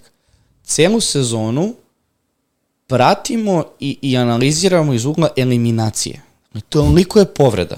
Toliko je nekih... Samo čekamo da neko... Da, i ti kad sad dođeš evo do jednog West Hama, um, umesto da pričamo o uh, upravo to, Ward, Prowse, Bowen, Kudus, da li će možda mu Bama dobije minute? Pričamo o Kudusu. Ko, ko, ko, ko je drugi ostao? Svi povređeni. Nema Antoni, mislim, Ne- Antoni nije ni bio relevantan za fantasy, reći, malo, malo zadnja loža. Tako je, Brighton isto, Newcastle, deset kola. Znaš, I ti sad stalno Doćemo, svako kolo, pa, ti sad svako kolo pričaš o igračima koji su trenutno raspolaganju u toj ekipi i kao tu završavamo priču. Znaš, Znaš, šta je to najgora stvar? Što tebi to onako sužava opcije za fantasy, da ćemo ponovo imati onaj jak template ili kako bi su to možda na srpskom rekli, mnogo timova sa većinom Jeste, istih da. igrača, jer tebi ponesti opcije. Čak i kada hoćeš da Apsolutno. e, nešto eksperimentišeš, onda mora da juriš tamo neke kole oša iz Banlija, da bude baš da si našao neki diferencijal, ali malo, malo ti ispadaju iz stroja igrača. očekujemo na Kunkua kao ozeblo sunce. Da. Neko da ga stavi onako, ajde, iz, iz neha, Da. da. što se kaže, i onda da mu donese bodove i da skoči na tablici.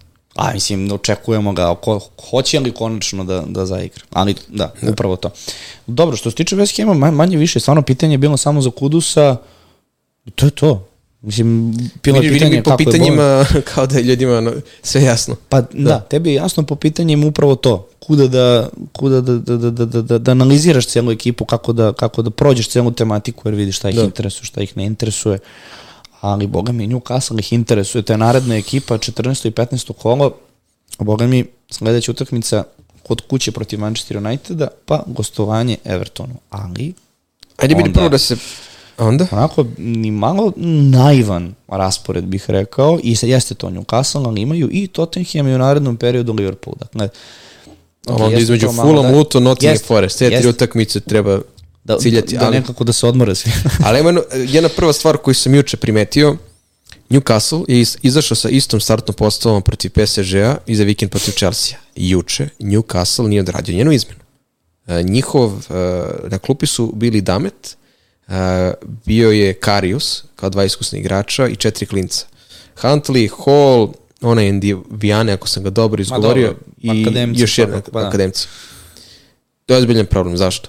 Ide, ide gust raspored, ide šest utakmica u 20 dana, fali ti pola igrača, imaš igrače koji su skloni povredi. Dakle, taman dolazimo do iseka, ali ajmo kao da krenemo tri pije. Najbolji defanzivac ligi po broju poena, 70 poena je donao. A koliko je pojena doneo na onoj jednoj utakmici? Da, mislim, po- ponovo i njegove brojke trpe zbog uh, silnih povreda. Da li možda mogu neki Lascelles ili Sher da ga zamene u smislu budu uh, opcije za odbranu, eto Lascelles je dao gol, uspeo je možda u poslednje vreme bar nekako da sa dosta manjom cenom parira Trippier, naravno što u prošlom kolu jer je postigao gol, ali mnogo veći problem je to što Newcastle ostaje bez prvo timoca koji mogu da igraju. Neverovato je da imamo utakmicu Ligi šampiona, da nije Pep Guardiola trener koji ume tako da 90 minuta izvede ceo tim da Newcastle nema koga da u igru. To je zaista frapantna činjenica. Ali ajde mi da zadržimo nekih igrača koji su zdravi uz nadu da se neće povrediti, da će malo da se poboljša taj zdravstveni bilten. Dakle, Dobro. go, uz Trippier, Gordon neko ko mi deluje Tako kao je. najrealnija opcija ne, neću kažem budžet varijanta 5,9 miliona, to je onako solidna cena, nije ni skupa, nije ni previše jeftin, ali ono što on igra ove sezone je zaista sjajno. Njihov, da, da. mislim šesti najbolji veznik ligi po broju poena, malo prolazi ispod radara, 69 poena, sve ono što je za fantasy bitno, agresivan na lopti, dakle, i na asistencijama i generalno uz Isaka, verovatno neko ko će biti najbliži golu, svakako bih možda njega pre preporučio nego Isaka, zašto? Pa, zato što Da je utakmicu nizu odigrao. Ovo ima dve krštene Da, noge. otprilike. znači, ne, evo da je utakmicu nizu odigrao, treba da ide gust raspored. Čim se Wilson oporavi, ako bude u stanju da igra, tu će već krenuti rotacije. Drugo, ne možemo da garantujemo da se Wilson neće povrediti na treningu, da neće imati neke Ali probleme. dok se Wilson vrati, Isak će opet da se poredi. Ali šta je ona druga strana Isaka, gde je on šesti veznjak ligi po broju poena, to sam baš gledao tu neku statistiku, sedam golova je postigao za 571 minut na terenu. Tako to je ozbiljna statistika. Igrači koji su ispred njega su Nunez, Solanke, Alvarez, Watkins i Haaland. I Haaland, tako je, da. Ne znam da li sam ih po rasporedu. A imaju manje više, od- duplo više. Osim Darvina, koji isto imao manjak minuta, svi imaju preko 1000 minuta. Dakle, Isak u odnosu na minute donosi najviše poena. Ali, da ja mogu da može neko da mi garantuje, Isak će ti biti zdrav na naredne tri utakmice, igraće 70 minuta minimum, Pa da verovatno bi mi da. bio, verovatno bi, bi meni bio druga opcija za napadača. Jer je isto nešto što se meni sviđa što se tiče njegove same igre i Newcastle kako to prosto forsiraju taj način futbala, ali ne mogu prosto da sebe ubedim da dovedem njega u tim i da se iznerviram kad, kad eh, se povredi u 30 i neku minutu i da ja onda opet ostane bez napadača, da ponovo mora da ga vadim. Tako je. Prosto nezgodna situacija. Ovo je zgusnut raspored da bi svi ti igrači koji se vrate sa povrede ušli u neki i on normalan ritam. Dakle, on kada se vrati sada, zamisli Wilson da se sada vraća ovo kolo iz povrede. On ima 2. decembar, 5. i 9.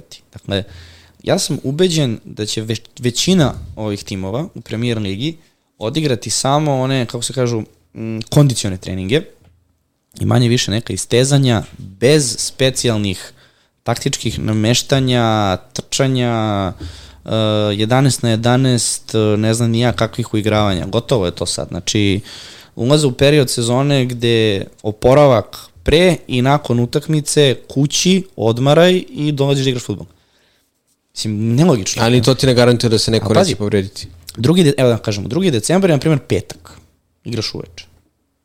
Primjer radi. Znači, ne znam sa koji je tačno dan, ali neki, neki je petak. 3. decembar, subota. Drugi, ti, drugi je subota, treći je Ok, nedelja. ako ćemo tačno, Da, ajde. da. Drugi decembar je subota. Uh, 3. decembar je nedelja. Dakle, ti se, ti, ti ne radiš ništa dan nakon utakmice, ne, ne, nema Eventualno teorije. trening oporavka ako O tome postoji. ti Da. pričam, okej. Onda imaš ponedeljak koji ti je četvrti, dakle to je prvi dan kada ti ajde sad možeš nešto da uradiš, ali ti imaš pripremu, zamisli ako imaš gostovanje, dakle pričamo o Engleskoj, dakle ti će iz Londona, severni deo Engleske, to, to je put, Da. to je put.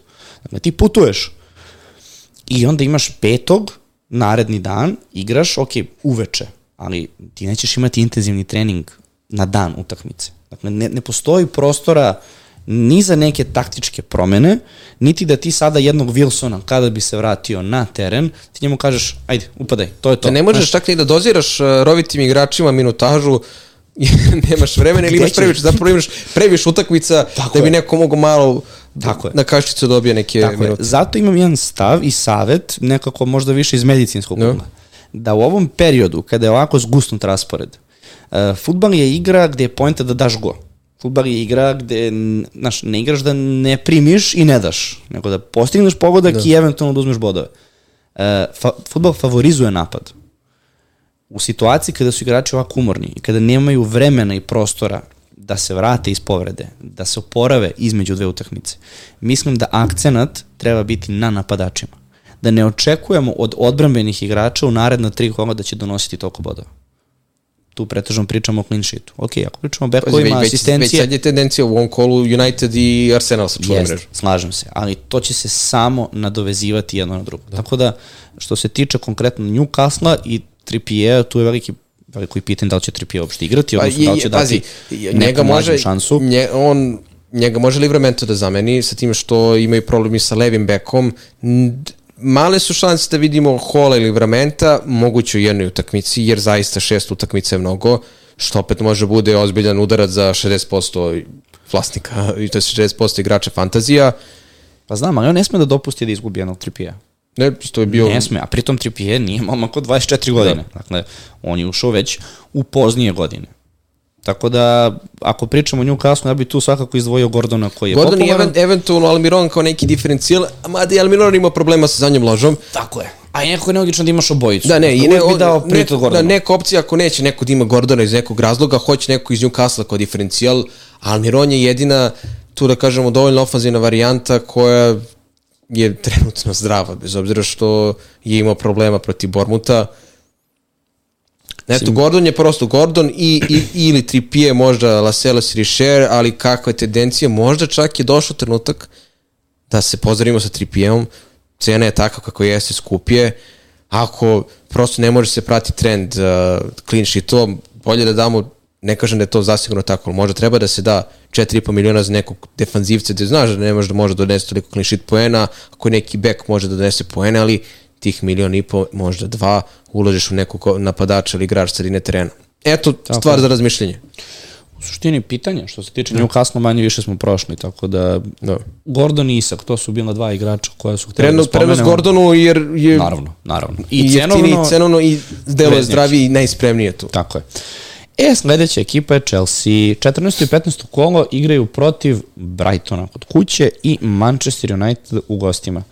Da ne čitam dalje raspored, ali tu imamo i Everton, i Sheffield, i Crystal Palace, i Luton. Dakle, delo je nekako da im je ovo sad ozbiljne dve utakmice koje im slede i konačno dolaze do kraja onog rasporeda koji smo na početku da. sezone, kad smo videli da ide sve nizbrdo za Chelsea, rekli, a u čoveč. E, onda, onda idu dobro utakmice, Everton u gostima, Sheffield kod kuće, Wolves u gostima, Tako. Crystal Palace kod kuće, Luton u gostima. Tako je. Deluje da im je, da, da nakon ove naredne dve utakmice su oni crni dani za njih, ali uspeli su da ih učine sivim. Ja ovo bilo... Bilo, bilo je bilo je nekih dobrih partija, bilo je naravno i nekih loših. Ono što je trenutno najbitnije za najveće Chelsea je što se očekuje konačno povratak Nkunkua. Tako je.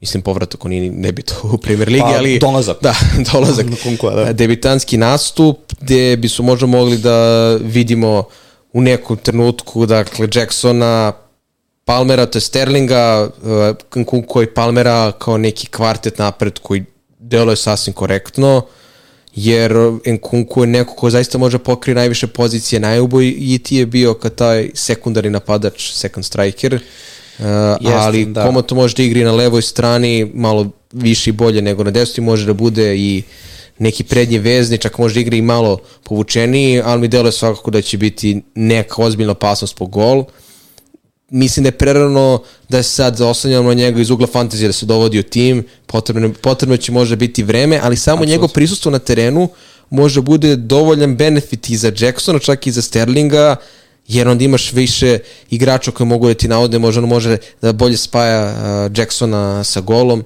ali ajde svakako da sačekamo. U narednom periodu treba razmisliti o ofanzivcima Chelsea. To je neki moj stav, jer smo videli pre svega dobre partije Palmera, dobre partije Sterlinga, Nije ni, evo, dolazimo do Jacksona, neka slična priča kao i o Darwinu. Mnogo promašaja, delo je trapavo, ali isto igrač koji će ti ulaziti u šanse. On je u jednom trenutku imao veći XG, to jest on je očekivani broj golova, nego broj datih golova. Dakle, sa ovakvim protivnicima, Everton u gostima, Sheffield kod kuće, tu može da se proba sa diferencijalima, če, tebi su tebi je Sterling sada diferencijal. Tebi faktički Jeste. Palmer, Palmer je sada igrač koji će imati možda i najveći procent vlasništva jer je na prekidima. Ali i dalje penalu. pričamo o Brighton Unitedu kao prvim utakmicama. To je, znači, ajde da, da ne idemo toliko daleko, iako je to treće Da. narodno kolo E. protiv Evertona jako blizu. Bitna ali stvar, imamo dve utakmice. bitna stvar koju nisu spo- spomenuli, Trippier ima četiri žuta kartona, Bravo. Sterling isto ima četiri žuta kartona. Palmer, koliko ima? Palmer nisam ispratio njegove žute kartone, ali mislim da nema, da nije u opasnosti, ali da do 19. tri. kola, ako igrač dobije pet žutih kartona, pauzira sledeću utakmicu, to je biće suspendovan. To je jako bitna stvar za Trippiera, jer može se desiti da ima lošu utakmicu, dobije žuti karton, primi gol i nema ga onda ni na sledeći, tu je zaista već zreo za prodaju. E isto je to potencijalni problem za Sterlinga da neko može da ga dovede protiv Evertona jer igra posle sa Sheffieldom kod kuće i dobije žuti protiv Evertona i ne igra protiv Sheffielda.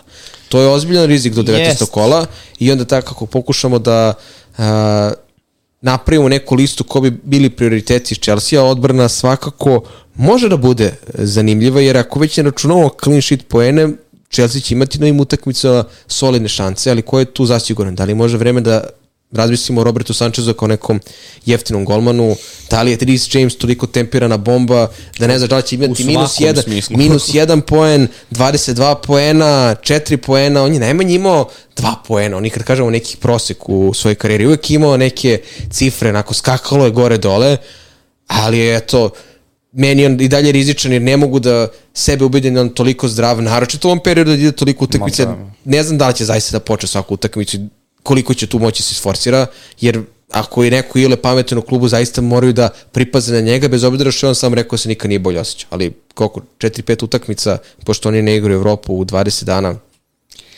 E, ja bih se nadovezao na, na, na Kunkua, s obzirom da jedno od pitanja je bilo da li ga je pametno dovoditi. Naravno da je odgovor trenutno ne, ali ono što mene konkretno malo koči kod Nakunkua generalno, upravo to što si spomenuo da je on to je ta pozicija second striker, Da. zavisi igraš FIFA, PES ili Da. ćeš samo da kažeš prednji ve, malo m, agresivniji prednji vez. Uh, definitivno on ima najbolju statistiku na toj poziciji. To je nesporno. Ali ti kad pogledaš golove koje je na Kunku dao, ti shvatiš da je on idealan, bio idealan igrač za Leipzig. I za tip futbala kakav Leipzig igra i kakav se futbal igra u Bundesligi. Dakle, većina njegovih golova u sezoni kada je znači to je prošla zapravo sezona, do zimskog prelaznog roka kada je definitivno bila vez da će on preći u Chelsea, većina njegovih golova, tu sezonu i pre, pre toga, su zapravo lopte u prostor koje on, on, on je prebrz. Dakle, on će možda biti jedan od najbržih igrača u ligi kada stupi na teren.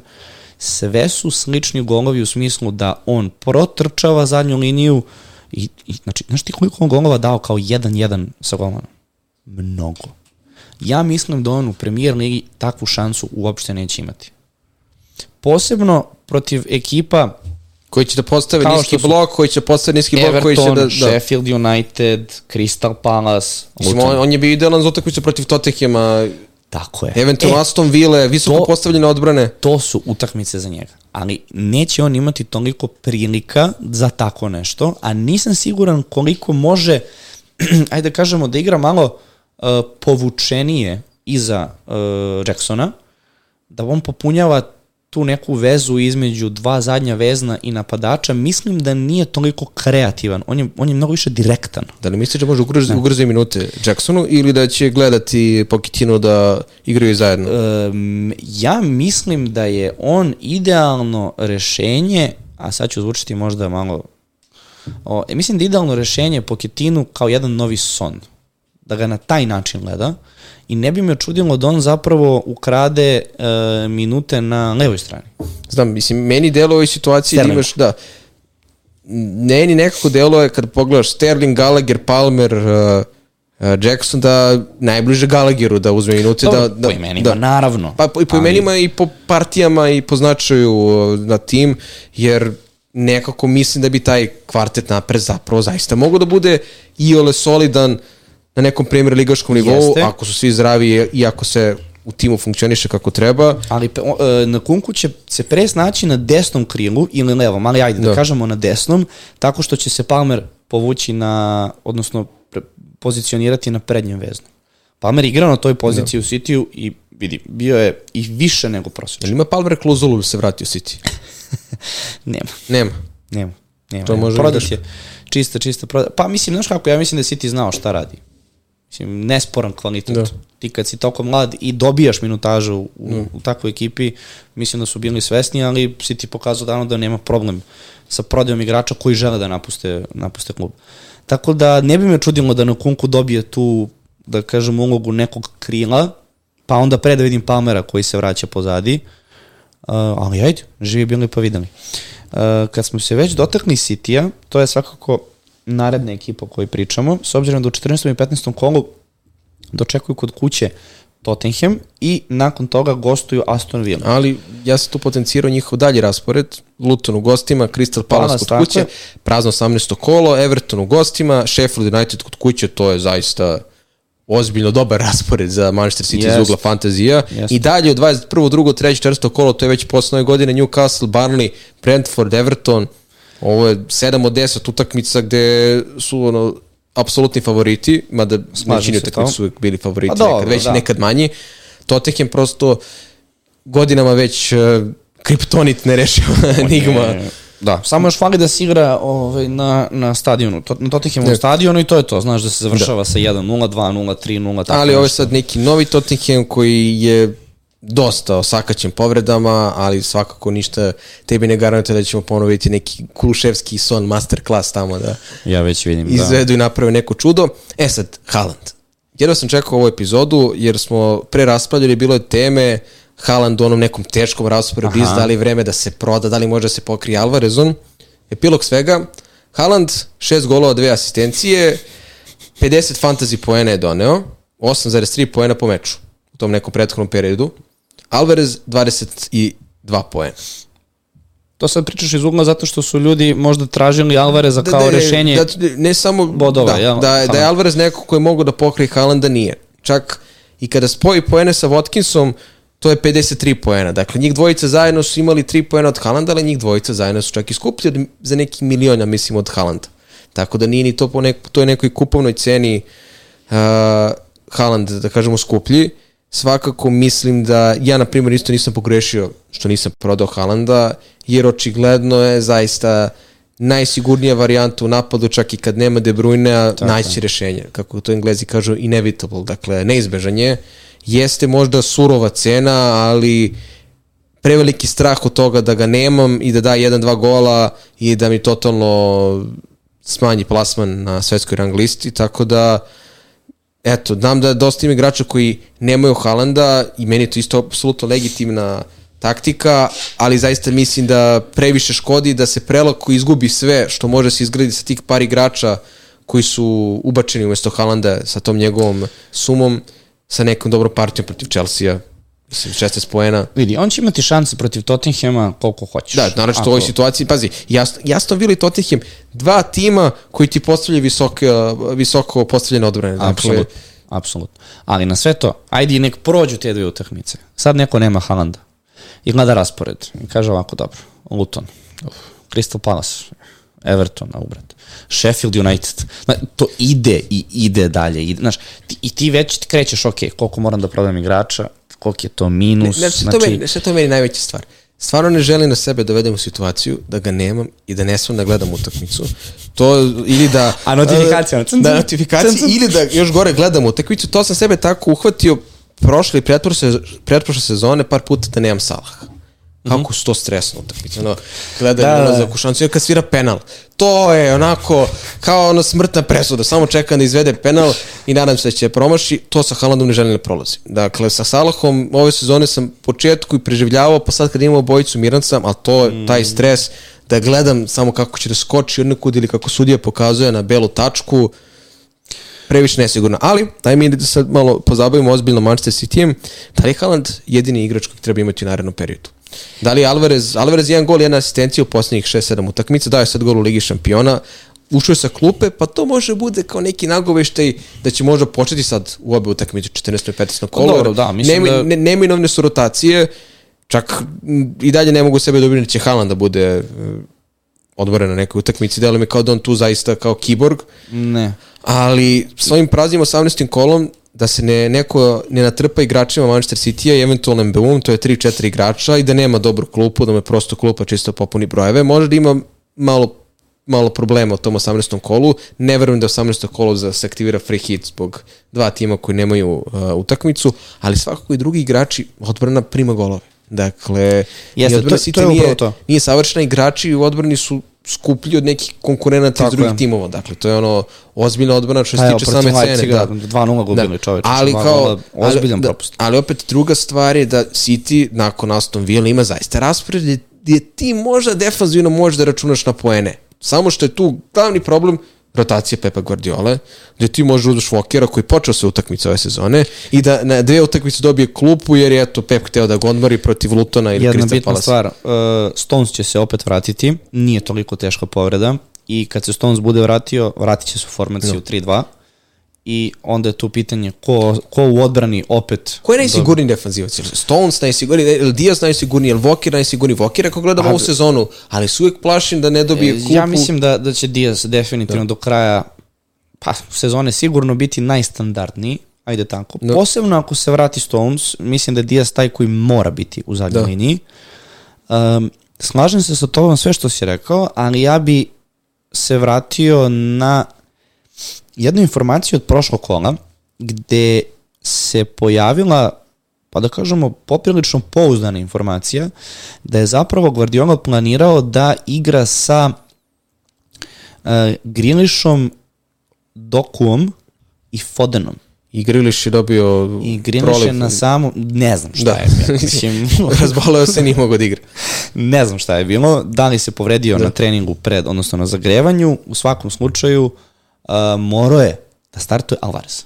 Dakle, Alvarez nije bio u planu za prošlu I zato dobio meni- odmor sad protiv uh, da, što je uh, meni Leipziga. zapalo tako je, da, ba, baš sam primetio kao čekaj od svih ljudi nisam očekivao da će Alvarez, jer sam stalno razmišljao, ok, ili Doku ili Griliš. Ne, on je sad hteo i Griliša i Doku, što je mene jako zbunilo, što nam uh, implicira šta? Jel Doku postao jedan, mogu kažem, ključan igrač, ali ako pogledaš i prethodnu utakmicu sad protiv Leipziga, čovek kad uđe u igru, to je potpuno drugačija ekipa. Mi pričamo o igraču koji je protiv Liverpoola imao tri bonus poena bez Tako konkretnog ofenzivnog učeka. To, da, da objasnim ljudima, nije to namešteno, nego on toliko svojom dobrom partijom, driblinzima... Ali to se ne dešava tako često. Ne što se redko kada ja se posljednji put da se sećam Brune uspeo jednom da uzme jedan bonus poen i Rafinha u licu pre dve i po godine u duplom kolu bio mi kapiten tipa nije imao ofanzivni učinak uzeo dva bonus poena. To je taj tip igrača, to je, jer Rafinha bio beše projektom da dođe u Manchester City, ali tako? Bila kao priča, neka zamena, kao neka da, zamena, za, Rafinha za, i Doku. Mareza, da. Uh, Doku ako ovako nastavi, postaće mašina do kraja godine, mislim, to, do kraja, do kraja sezone. Pazi. ne, ne, os, ozbiljno je pitanje da li u jednom trenutku treba ga dovesti, jer stvarno on trenutno što radi na terenu, on potpuno promeni uh, uh, uh, tempo igre. Znaš, znaš šta je tu uh, Potpuno. Pozitivna i negativna stvar. Ovaj raspored koji imaš City nakon Aston Villa je idealan da imaš dva ili tri čak igrača City-a, da ne pričamo da neko se natrpa sa Alvarezom, Halodom i Dokuom ili Fodenom, ali je to sve u mesec dana. Dakle, nije oni raspored standardni gde imaš na 7 dana utakmice, možda imaš neku ligu šampiona između, gde ti imaš i ligu šampiona između, Tako je. Ajde sad posljednja utakmica sa Crvenom da. zvezdom, ja verujem da će tu možda Pep da iskoristi da mu ne igra Haaland. Da dođe sa nekom... Ako dođe u Beograd i Haaland ostane... Ja, Da, Nikolić će ako, na do, ako dođe, ako dođe sa akademcima u Beograd, Oscar Bob na cela... Dobro, ajde. Ovako, dva prsta. Vidjet ćemo. Sva, svakako, e, to je sad taj rizik pričamo o fantaziju, ako ste spremni da se nosite, da imate Fodena, da imate Dokua, bez obzira što mislim da je Foden neko ko bi trebalo da ima zasigurne minuti, uglavnom je igrao, on je svaku utakmicu počeo si moje utakmice protiv da li Sheffielda ili nekom školu pre ili posle isto imao problem, problema sa zdravljem, nije mu bilo dobro, ništa strašno, hvala Bogu.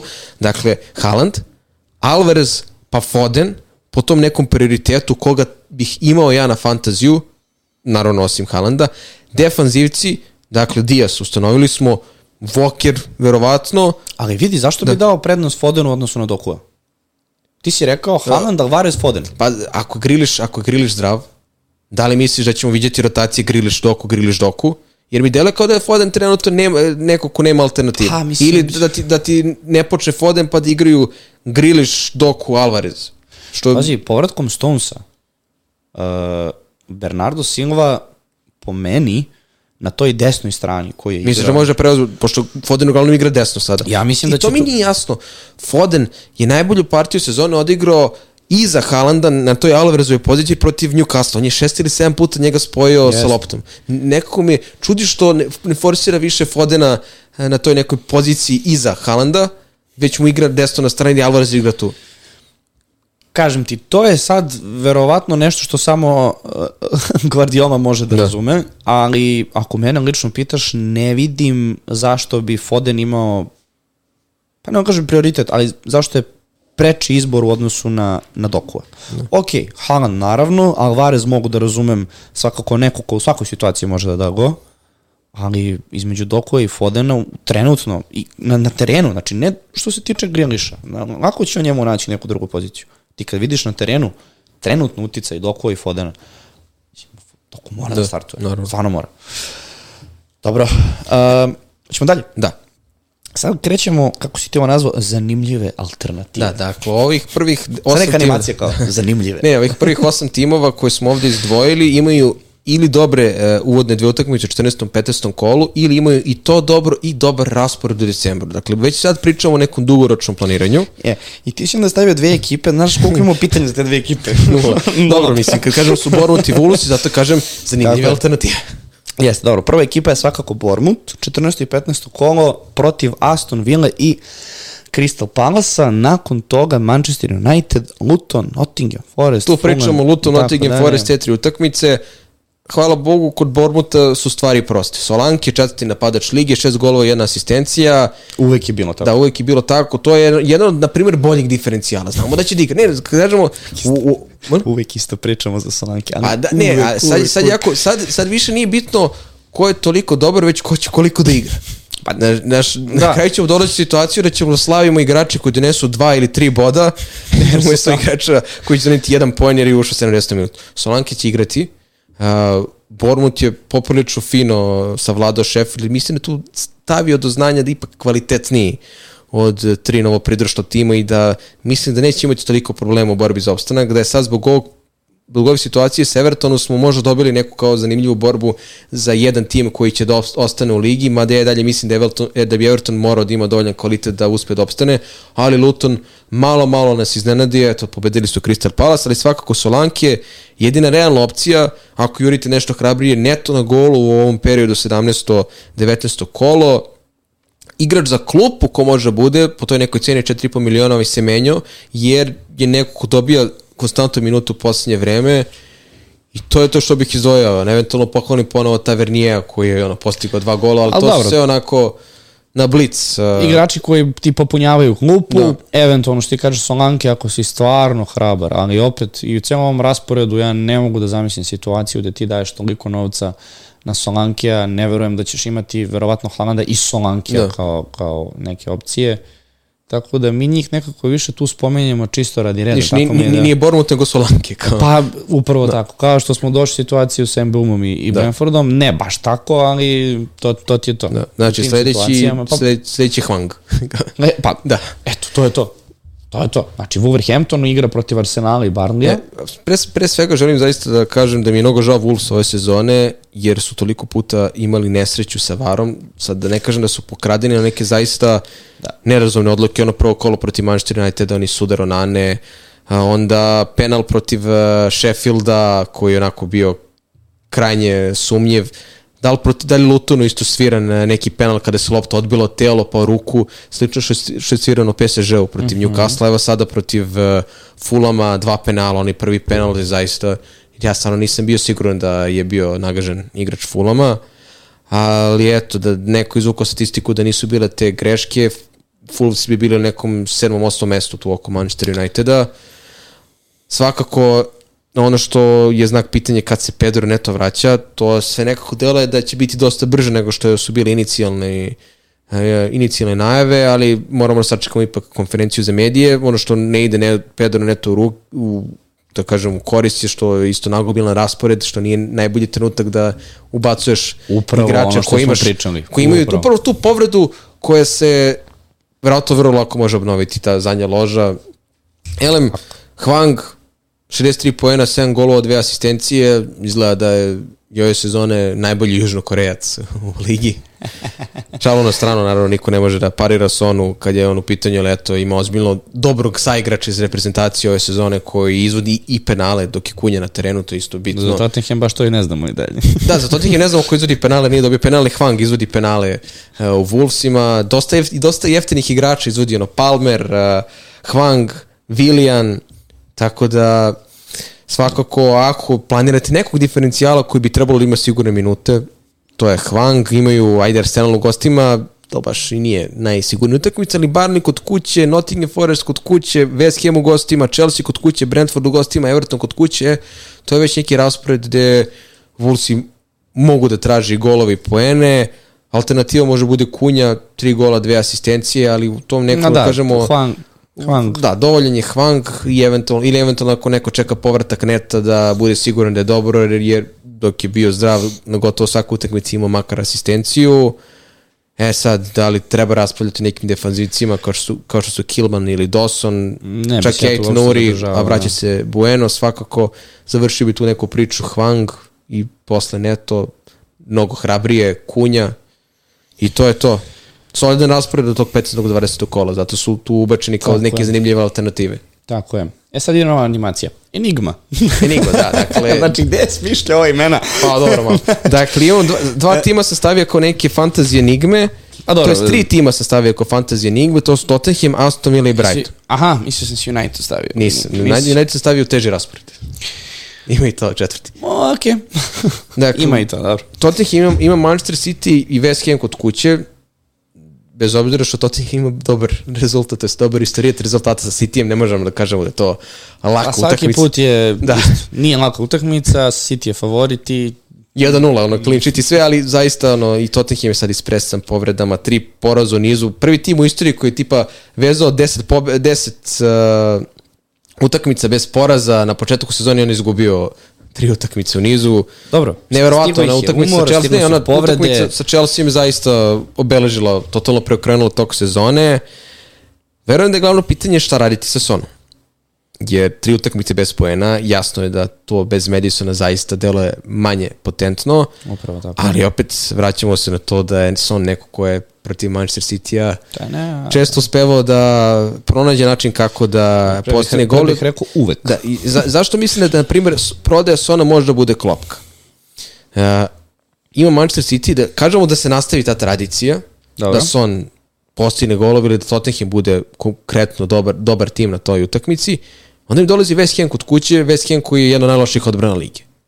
Bez obzira što West Ham nije tim koji će da postavi odbranu poprilično visoko, svakako Son sa nekom dobrom utakmicom protiv City-a stvarno ne može bude prodat pred utakmicu sa West Hamom. Dakle, ako Sona sada neko proda, onda mora bude spreman da ga ne vraća pred naredno kolo, jer prosto nema smisla da se tako prodaje, pa vraća još gubi na ceni, a onda nakon toga ide Newcastle kod kuće, Nottingham Forest u gostima, Everton kod kuće, Brighton u gostima, Bournemouth kod kuće, to zaista može bude zanimljiv raspored makar za ofanzivce Tottenhama. Jeste, ali vidi rezultate koji su oni imali. Jedne, Dakle, tebi to je problem. ni- Niko ne sugeriše da će oni imati dobar učinak. Da, ali- da, to je problem što može, može se desiti da Tottenham glatko izgubi, da im West Ham napravi probleme, mislim sad da idemo dotle dalje dok se ne porave Van de Ven i Madison da Tottenham neće moći da pobedi, plus Pentakura neće biti sada dva i po meseca, Dobro, dakle da, malo ali- malo imaju problema sa povredom, osim Sona neko ko je tu imao solidan procenat vlastištva, to jest dvojica su bili Pedro Poro i Udogi.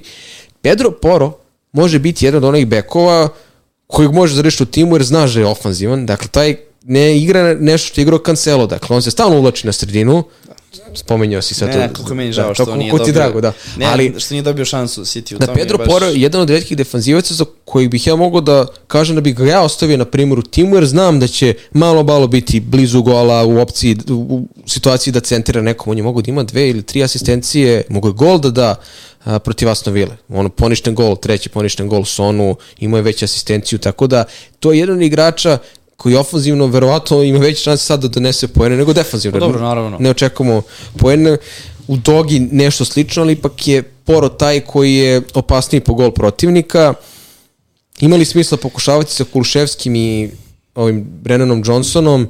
Iskreno, dokle god je ovakva, ovakva serija rezultata da tim ide u tri porazu nizu, ja bih možda sačekao da se bar malo regrupišu ili da bar prođe Manchester City, bez obzira što opet može se desiti da tebi Johnson i Kulševski daju gol e, ili dva protiv City-a, ali to je sad ta kocka. E, mislim da treba sačekati sa da. Tottenhamom. Uh, naravno, ta forma ne mora nužno da znači da su oni konkretno u problemu na duže staze. Da. Mislim da je malo, mm, ne, ne mogu da kažem nefer, ništa, ništa se tu nije, da kažemo, loše njima desilo, odnosno nepravedno. Ali sama povreda Madisona i onda niz ostalih povreda je toliko doprineo da oni imaju ne mogu reći problem u igri, ali nemaju rezultate. Oni su vodili na sve, bili su prenosi pa, na sve tri utakmice. E, to, to, zato kažem, nije problem u igri, ali ne mogu da tih 90 minuta iznesu taj stil. To, to je ono što sam ja pričao pre jedno 7-8 epizoda za Tottenham, kao još rano pričati o njima za yes. neku šampionsku titulu, šta ako se povredi Madison.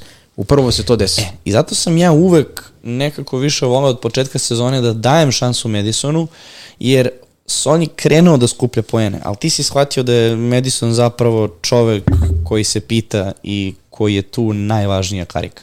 I bilo mi je žao što nije baš toliko vraćao poena u fantaziju, u jednom trenutku, ima, ima, ima lep, ovaj, lep učinak, ali onda stao sa bodovima koliko je Son preuzeo od njega i zato sam nekako uvek favorizovao Madisona zbog toga jer sam video stvarno koliko čovek ne da utiče na igru, nego razigrava svih ostalih 10 igrača. Znači 10 sa golmanom.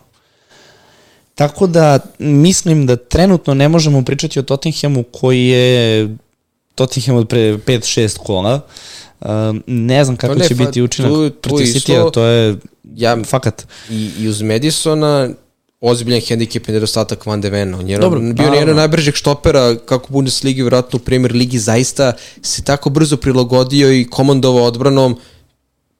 Romero se vraća, mislim, na sledeću utakmicu, bez oba štopera su ostali. To je zaista neverovatno si ostao bez nekih ključnih pozicija uh, u svom timu na jednoj utakmici. Oba štopera i najbitniji igrač na sredini terena. Malo li? Apsolutno. Za kraj, pitanje imaš Sona. Šta radiš sa njim za naredna dva kola? E sad, na primjer, u mojoj situaciji imam i Bojna. Ako dobijem informacije da Bojan igra, ostaje mi. A ako ne dobijem, ako dobijem informacije da Bojan ne igra, Sona pretvaram verovatno u Saku. Sona u Saku? Da. Ali generalno za ljude, ako imaju Sona. To, generalno, ljude za Sona, ako verujete u neku tradiciju rezultata, onda ne treba prodavati Sona pred City, prosto bez obzira što to pričamo o Manchester City, ali nije to da jedan meč Tottenham dobro odigrao. To godinama traje taj neki trend da se e, Manchester City ne snalazi sa Tottenhamom, sad je malo i drugačiji trener, drugačiji koncept igre Tottenhama, pa neko može kaže, ok, ovo nije Conte, nije Mourinho, neće se povuku napred pa da jure kontre, sada će postaviti visoku liniju pa će bude 4-0 za City kao idemo svi kući. Što može, može da se desi, ali ajde kao ti ljudi koji možda ne gledaju to po toj nekoj tradiciji, Son može, može, može se proda, da se uloži novac u igrača koji imaju bolji raspored, mada ni Tottenham nema nešto užasan raspored, samo imaju problem sa zdravljem igrača i da prosto ne mogu da pobede bez Madisona i Van de Vena za sada. Tako da je to sad odluka na nekome da li će da ostane lojalan Sonu, kome će da pada procenat vlastištva, pa će i da veću razliku pravi, ili odmah da se osiguraju nekim sakom kojim će da raste procenat vlastištva. To su sad stvari koje mogu nekome da promene tog sezone. Slažem se. Tottenham se opekao prošlu utakmicu protiv Aston Ville, a ona je i naredna ekipa o kojoj pričamo, koja u 14. i 15. kolu dočekuje Uh, odnosno ide na gostovanje Bormutu i onda dočekuje Manchester City. Da, i onda nakon toga Arsenal kod kuće, da, da. Brentford u gostima, Sheffield kod kuće, Manchester United u gostima, Barney kod kuće, onako promenjiv raspored do nove godine. Glavna stvar za Aston Villa imamo tri igrača sa četiri žuta kartona. Dinj, Luiz i Keš. Ako sam to dobro zapisao, jeste. Dakle, ajde o, o Kešu i on je neko ko je onako poprilično iritantan sa tim nastupima da je, kako dobije žuti karton uđe u rizik pa ga Emery zameni na polovremenu ili pre 60 minuta. Nije ni odbran Aston Ville neka koji će ti garantuje clean sheet pre svega zbog načina visoke linije i prosto stila igre koji Emery forsira, da ne pričamo o tome da onda i Cash i Dinj možda su kandidati da se zamere za neke druge igrače, ali ako već imamo takav trend u Premier Ligi da ne računamo na clean sheet poene, gostovanje Bournemouthu možda i nije trenutak da se prodaju sa tim što kako neko njih dobio žuti karton ili Luiz koji ima dobar procenat vlastištva na prekidima i na penalima zaista je jedan od onih igrača iznenađenja sezone koji donosi pa ne baš uvek ali često poene a cena mu je 5,6 miliona. Zaista može da se desi da neka dobiju nameru žute kartone da bi tačno odmorili taj jedan meč da odrede suspenziju i naravno najbitniji tu faktor Oli Watkins baš sam vidio komentare ljudi da nisu bili zadovoljni On je donao pet poena na prošlom utakmici, šest na, prošlo, na prethodnoj, dakle dao je golove, ali, na primjer, za, za taj bonus sistem, mnogo igrač gubi kada maše šanse. Ali Watkins je jedan od tih igrača koji isto ulazi u šanse, ali on dosta maši. Samo što nekako manje prolazi zapaženo može nego Darwinu ili Jacksonu, jer ipak dolazi do golova i poslano hat protiv Brightona, manje je nudaru kritika ili manje se on spominje kao igrač koji promašuje, ali je često sebe izbacivo iz bonusa zbog nekih promaša. Isto tako sad protiv Tottenham mogao da da tri gola. E, mogu da da tri gola. To ti dovoljno govori o tome kako Aston Villa igra trenutno. I, Oni su četvrti da, na tabeli. Četvrti, ne, Aston Villa zaista igra sjajno i Emery je doveo otprilike sve ono što mu je bilo potrebno. Ne sme da zaboravim Diabija, koji u posljednje vreme ne donosi toliko često poene i ono što mene brine ima Bailey kao neku mm -hmm. konkurenciju, da ne pričamo o tome da možda može proba sa nekim taktičkim promenama da kao što Cash igra krilo da ubaci Bailey za Niola da ne, ne, da ne vidimo uh, Diabija kao startera. Me, To su kvalitetne da. imena. Ja, ja stvarno očekujem da će on raditi da, te rotacije tile, u narednom periodu. Imamo i Tilemansa koji ulazi više sa klupe nego što igra. Šta je ono što ja vidim kao problem? Mnogi ljudi imaju Diabija. Diabije je idealan da u jednoj tri utakmice ne počne da to, počne Bailey. To, upravo da. to. Dok sa druge strane sam siguran da Votki, da će Votkins imati, da će on sve, imati svoju minutažu. Sve si rekao što sam da. teo da... Sve. E, isto tako, me plaši Cash, prvo zbog žutih kartona, drugo zbog toga što vrlo lako, nisam siguran mora da ispratim kada se Moreno vraća, ali ako on može da počne utakmicu sa Diegom Carlosom na desnoj strani, što sasvim ok, kao što može zameni Cash na polovremenu da ubaci Tilemansa, ko tebi garantuje da, mo, da ne, neće početi utakmicu sa Cashom na klupi. Upravo tako. Sa te strane, ako gledamo neko ko će imati zasigurne minute iz odbrane, mislim da će Pau Torres da bude taj, dao je gol sad baš protiv Tottenhima, da će imati neke sigurne minute. Ako ciljamo Aston Villa, ako gledamo opet tu neku logiku, ne ofanzivne poene, Watkins prioritet, bez obzira što nervira vlasnike da je ono, da, gol, pet ili šest poena nije malo, kao, to jest nije mnogo. Ma gde je malo? Znači, drugi napadač lige, igra za Da, drugi Aston, napadač lige po broju poena. Garantovani minuti, fantastična forma. Mislim, Aston Villa, ako se potrefe kockice, može u narednom kolu da završi na prvo mesto. Mislim, stvarno, stvarno može. Kaže da će utakmica sa City biti duel za prvo mesto.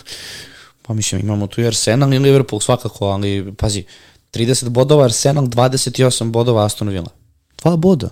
Dva boda razlike. Pritom... To, Tottenham da pobedi, zamisli, Tottenham pobedi uh, Manchester City, Arsenal odigra nerešeno sa Wolvesima i Aston Villa pobedi Dobro, to je ostalo ti je da. samo Liverpool onda, ali ne, stvarno može da se desi. Da. Ok, teško, da. ali Aston Villa može naredno kolo da, odnosno kraj naredno kolo da očekuje na prvo mesto. To ti mm. apsolutno sve govori za ovu sezonu. Nabrao si igrače, program su žuti kartoni, program je rotacija, a Aston Villa ima druge igrače na klupi koji mogu da igraju. Za neke pozicije, mislim, ima i Durana kao neku Jeste. izmenu za Watkinsa, ali Jeste. nešto slično kao što je Mbeumo, u neke Solanke, Watkins dele kao igrač koji će u 95% situacija započeti utakmicu. I delo je spremno. Delo je spremno, da. Nije povređen, ne postoji ni jedna indikacija da će gubiti minute sa nekim drugim da. igračem. Stvarno. Dok god ovako, dok god daje golov, dok god ostavila pobeđuje, Tako je. Mislim, on je imao, kad je Emery došao, on je igrač koji je uz Haaland dao najviše golova u ligi.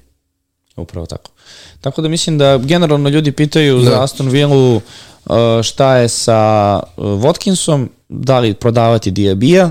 Diabija je neko, ne, jedan sasvim legitimni kandidat da se proda. Jeste. Ja mislim da... Da on, on, može, on može zameniti Mbeuma, može zameniti nekog Gordona, u Palmera. E, to su igrači koji su sada definitivno popularni, naravno da. primate Mbeumo, ali Diaby neko ko objektivno treba razmisliti. Mislim da ne, neće startovati svaku utakmicu skoro sigurno. Meni sad upitam da će, da, li će da startuje protiv Bormuta. Ako bude započeo, pazi, pa, ako ne bude započeo ligi konferencija, veće su šanse da započne jest, za vikend. Jest. Ali ako njega vidimo da igra sa ligi konferencije, ne bi me čudilo da Tillemans i Bailey budu... Slažem se. To je možda i kešu rizično, ali ajde kao da kažemo da je ipak Bailey ugroženiji. Ne Bailey, Diaby. Uh, naredna ekipa je Brighton, koja u 14. i 15. kolu ima raspored kao gostovanje Chelsea-u i kod kuće dočekuju Brentford. Dalje raspored, pošto voliš da kažeš, do da. kraja, Barnley, Arsenal, Crystal Palace, Tottenham, West Ham i tako dalje i tako dalje. Pa oni su nekako možda ekipa pored Newcastle sa dosta, da Jeste. kažemo, povreda. I rezultati trpe. Pobedili su Ozbiljno. sad eh, Nottingham Forest, konačno su pobedili posle, ne znam, skoro mesec i po ili dva čak, uh, neku utakmicu Premier Ligi, ruku na srce i oni su skroz osakaćeni povredama. Izašla je vest, Jansu Fati će duže uh, biti van terena. Dakle, još jedan tvoj miljeni... Ne, ne da mu se, ne da mu se, da. Neverovatno, dakle, da su Newcastle i Brighton toliko male rozni ove sezone još glavni problem na to je bila nekonstantnost igrača, upravo zbog toga nisi mogao da pohvataš ko će da igra, ko neće. Yes. Sada, nažalost, Zerbi nema koga da rotira. Praktički znamo da će početi i Andigre, i, i Adingre i Gross. Gross je čak sad u, u, u, u, u ovom Profitira. trenutku neko ko može bude zanimljiv diferencijal jer nema alternativu. To jest, Jeste, Zerbi nema koga. Malo. E, skuplje da. je i to, tamo malo u odnosu na neki drugi igrače koji su dosta agresivniji Da, sa 6,3 miliona je dosta. Da, nije, nije to baš toliko da. primamljiva cena za neku ozbiljnu da. razliku. Ali protiv Nottingham Foresta doživjeli smo konačno i Ferguson i Joao Pedro donesu bodove. Metamorfoza. Sa, da, sa tim što Joao Pedro ponovo počeo na klupi, ali je ušao silom prilika zbog povrede Fatije i dao je dva gola. Da li konačno možemo da zamislimo utakmicu gde će obojice da počnu? Ne znam. Jer na kraju krajeva ako ne bude imao ko da mu igra, jednom trenutku će morati da počnu i Pedro i Ferguson, da mi imamo neku garanciju da obojica mogu da budu konstanti bar što se tiče minuta, to mogu da budu dobri napadači zbog stila igre Brightona, ali kako oni ostaju, kako oni ostaju bez futbolera u napadu, tako i može i pada njihova potentnost i problem rotacije, onakle oni igru u Evropi, nešto slično što i Newcastle može da ima.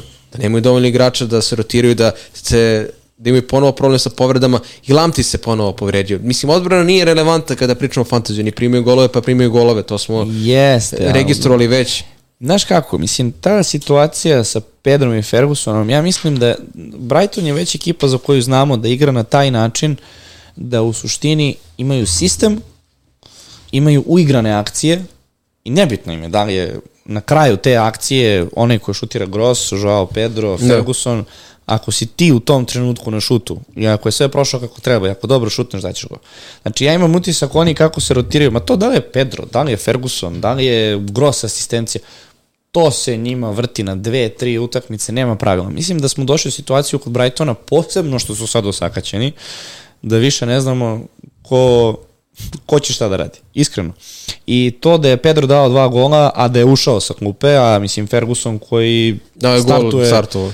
startuje pa startuje, ti dovoljno govori ok, nemaš Fatija sada Ako se još neko povredi, koji mi je ostao više igra? Aj, aj, aj sad onako direktno da kažemo. Dakle, imamo Fergusona, Pedra, Grossi and Ingru kao četiri igrača trenutno zdrava koji su tu realno najbolji pikovi za fantasy. Svako ima neke svoje argumente. Dingra trenutno i Gross su najsigurniji za minute i Ferguson je poslije vreme više minuta dobio od Pedra, ali ja mislim da je zaista došao trenutak da može vidimo ili obojicu ili da Pedro započne utakmicu. Svakako njihov raspored i onako takav kakav jeste Chelsea u gostima, Bradford kod kuće, Ali eto, ponovo pričamo od Brightona kao nekim igračima koji da. mogu da prave razliku, jer ono, na početku sezoni Pedro imao solidan procenat vlastištva i Mitoma, mislim, totalno zaboravljamo Mitomu. Mitoma je trenirao, trenirao je pred pa ovaj meč. Pa jesam, vidi se da vuče. Ne, vidi se da vuče, Znaš. vuče povredu. Ne da mi je trenutno on uh, dobar izbor za fantaziju i dok je bio zdrav, u poslije vreme igrao previše, onako bočno po strani. Uh, kao da su sve te povrede i poremetile sistem da on bukvalno preuzima tu neku bočnu ulogu, ono što meni deluje od kako nestoje stupinjen, da tako nestoje mi Toma, dakle da je njemu za tu ofanzivnu potentnost falio je stupinjen, da su oni jako dobro dopunjavali, svakako prošli smo tih par opcija, odborno stvarno ne bih spominjao, niti da. mislim da imaju nekog ofanzivno pa, trenutno može da prenese, Dank eventualno neki gol ono, iz Racionalno gledano, za ovaj raspored Chelsea, Brentford, Burnley, uh, ajde, ako ćemo izdvojiti Chelsea i Brentford kao naredne Da. da. utakmice, jel? Prvo što za Ferguson i Pedra ne znamo kako će se rotirati, to je prva stvar. Možda Dizerbi sada da Pedru šansu, pošto je dao dva gola, stvarno ima dobar doprinos. Mislim da oni padaju u neki drugi plan pored Haalanda, Watkinsa, uh, Sad sam Isaka, Darvina. U Enigmu. Dakle, vidi, Enigma, Aston. Villa, Tottenham i pre svega Son i Brighton, jer Slažem nisi slažem siguran na čemu si. Mislim da, džaku. mislim da je prošao taj period popularnosti Brighton u fantaziju, Da. trenutno. To ne znači da će se vratiti na pravi Da. da. kolosek u nekom trenutku. Ipak je to ekipa od koje dosta očekujemo Da. da. ove sezone, igra jako lepo. Ali iz ugla fantazija za sada Da. da. malo da ostanu po strani, pa, pa ćemo da vidimo u narednom periodu šta i kako. E, teži raspored, prva ekipa Manchester United, 14. i 15. kolo, prva utakmica, gostovanje Newcastle, nakon toga kod kuće Chelsea. Dalje raspored Bournemouth, Liverpool, West Ham, Aston Villa, Nottingham. Sad, to je ta statistika za United koju mi nekako prećutimo, odnosno ostane ispod tepiha, ali dobra statistika odbrane. Ako Pazi, bi ok, imali su i dobar raspred, tri clean sheeta na posljednje tri utakmice. upravo to. Koga god da si izabrao iz odbrane, Pazi ti, pazi, koji su, pazi ti sad ove statističke parametre. Onana, drugi golman ligi. 52 poena iza Edersona. Znači, neko ko je doveo Onana u prvom kolu i ko je ono... Ga ostavio, da. Koga ostavio da je bio, da je bio u tom nekom fazonu set and forget, dakle, dojedeš jednog golmana ne razmišljaš što oko cele sezone čak i posle onih katastrofalnih utakmica, može bi profitirao jer je to drugi golman lige. Znači, po broju poena. Diogo Dalot, 36 poena na posljednjih pet utakmica dana. Dakle, to je 7 poena u proseku. Jeste. Toliko kritikovan i Maguire, Lindelof, tri clean sheet on Dakle, Maguire za 4,3 miliona neko je mogao da donosi 6, 7 poena, nema veze. Pola igrača, šta pola, 90% defanzivaca u ligi ne može da donese clean sheet poena. Kakav je trend? Mislim, to zvu, zvuči smešno, ali Mnogo neko, smešno. neko, neko ko je išao na tu hrabriju kartu, imao sam dosta momaka koji su me pitali, ili igrao Nana, ili igra Dolo, dakle imaju te neki igrače, su komotno mogli da nabuđe razliku u ovim, ovih par utakmica jer United sačuva mrežu. Ok, protiv Evertona je expected, onaj XGC bio nešto, dva tačka nešto, gde je Nana briljirao, nažalost sada je kiksno u Turskoj, to moram posle da pogledam, ali ko je išao na taj rizik, isplatilo mu se, za neki dalji period zaista mislim da nije realno očekivati da i protiv Newcastle u gostima i protiv Chelsea kod kuće sad sačuvaju mrežu, bez obzira što Newcastle ima druge probleme da ne mogu da sastave 11 a da više Jest. ne računaju na... Nekako deluje da United kontra celokupne lige, svih ekipa. Dakle, ta odbrana stvarno donosi poene i ima učinak. Na šest pojena od prvog mesta. Pazi, tebi celokupan utisak u Unitedu sada je loš. Cela sezona. Od eh, problema sa povredama, skandalima, Ten Hag, eh, nastupi u Ligi šampiona i onda pogledaš šest pojena od prvog mesta, nije loš. Nije strašno. Pet samo pobeda, pet pobeda na posljednjih šest utakmica, kao najbolji ti- tim sa najboljom formom u posljednjih šest utakmica. Jeste, ali to Ali je, to- ali nisu do bili ubedljivi. Ma, Ne nisu bili da ubedljivi, kažeš... imali su sreće sa rasporedom. A, apsolutno, ali ajde sreće s Da. rasporedom, ok, sad imaju stvarno težak raspored, Da. ali nisu bili toliko ubedljivi, doneli su rezultate, što je na kraju dana najbitnije, svakako.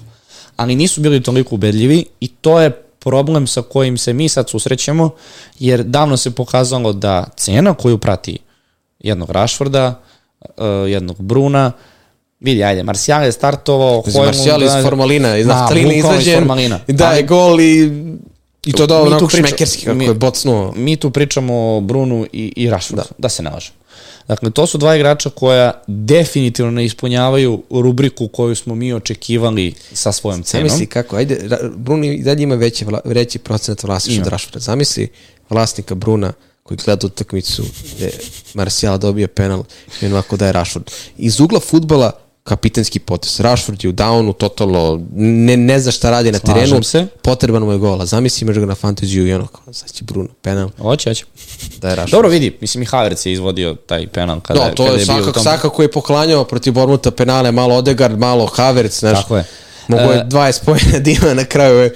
E, problem je tu samo u ovoj situaciji sa Unitedom što mnogo su se oslanjali na odbranu i odbrana je mnogo poena donosila u odnosu na I ostatak to kako veze, mislim, pričamo i dalje krnja odbrane. Orlo, što se Apsolutno. vratio protiv Evertona i dalje ti je štoperski tandem Lindelof Maguire. Jeste, ali da li, odnosno, da li si ti uf, ne mogu da kažem siguran, a da li ti uliva poverenje da sa tom odbranom, iako je donela poene, znači ako ne. gledamo fantasy, a donela i, i same rezultate, imaš Newcastle, Chelsea, Liverpool, Aston Villa. Dakle, Pazi, ta odbrana- ozbiljan raspored, oni ako prime jedan, to i, Ta odbrana, jako teško će dati odbrana je idana bila za kratkoročni rizik, mislim nije to toliko, toliki veliki rizik bio da neko kaže ok imaju dobar raspored, ajde da probam.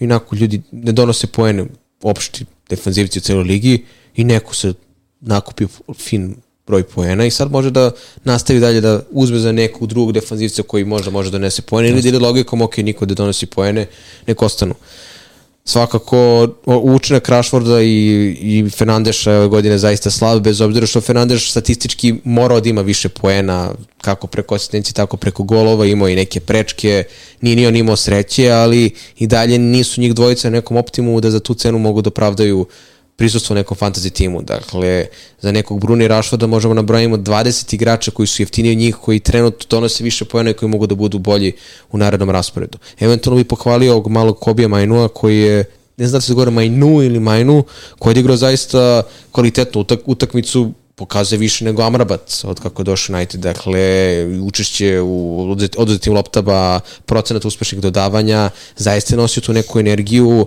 sa svojih 18 godina. Nadam se da će samo da nastavi tim tokom i da za Garnača ove, ove makazice prelep gol mogu da budu, zaista već ponavljam drugi put, neki postrek za dalje.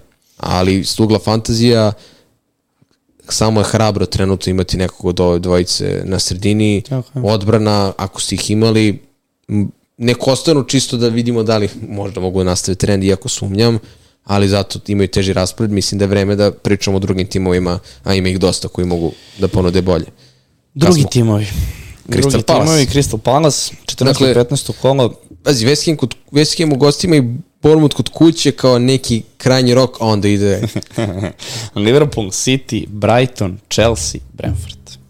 užasan raspored. sve to Eze da. povređen. Znači, Roy Hodgson daje izjavu, to je bila baš priča kako ta na, napredna medicina prosto i generalno ne preporučuje se futbaleri tek tako naglo vrate u protokol da igraju minute, da je Roy Hodgson bukvalno rekao, ma ja u to ne verujem i Eze ne završava utakmicu. e, ne želim to da Ne želim da komentarišem. ti- Ja stvarno to neću da Ne. komentarišem, tako E, da... Dobra stvar, bar se vratio Lis uz nadu da neće da doživi neku ponovu povredu i dao je jedan od lepših golova protiv Lutora, ne znam da li si video, ali svakako s ovim rasporedom prvo defanzivac, jer dobar igrač ima Andersena, Mitchella, Geja, koji su mogli možda i bolje. Dakle, Luton primio si dva gola, prosto Mm. mislim da je vreme da se okrećemo nekim drugim opcijama, Isteklo je, tako, je Olis vreme. je Eduard, pošto je neće biti dve, tri nedelje, to je 3-4 kola i više verovatno u ovoj situaciji, ostaju u domenu nekih diferencijala, ali nije mi Crystal Palace ekipa koja mi je dovoljno gledljiva, kamoli zanimljiva i potentna još bez Ezea, da, Da imaju lep raspored, im je le- pa da razmislim. Da, da razmišljam sada o Eduaru kao nekom napadaču ili Ezeu na sredini terena, tako da ne bih preporučio ljudima da imaju Eduara. Mislim, ne bih, ne bih preporučio ljudima da se uopšte oslanjaju trenutno na akviziciji Crystal Palace, generalno. I to bi bilo vratno to. To je apsolutno Da. to što se tiče Crystal Palasa. Everton je uh, ekipa Mislim, koja... pazi, uh, Andersen je treći igrač u ligi po broju poena, Mitchell šesti. Ne, ne, nesporno Da, je šta to- su oni doneli da. do sada, ali prosto ako pogledaš raspored, ništa ti ne Da. govori da treba da ostaneš sa njima. Stvarno je raspored katastrofalan i ne verujem da će Da. stvarno moći toliko poena, odnosno da isprate trend poena koje su donosili do sada.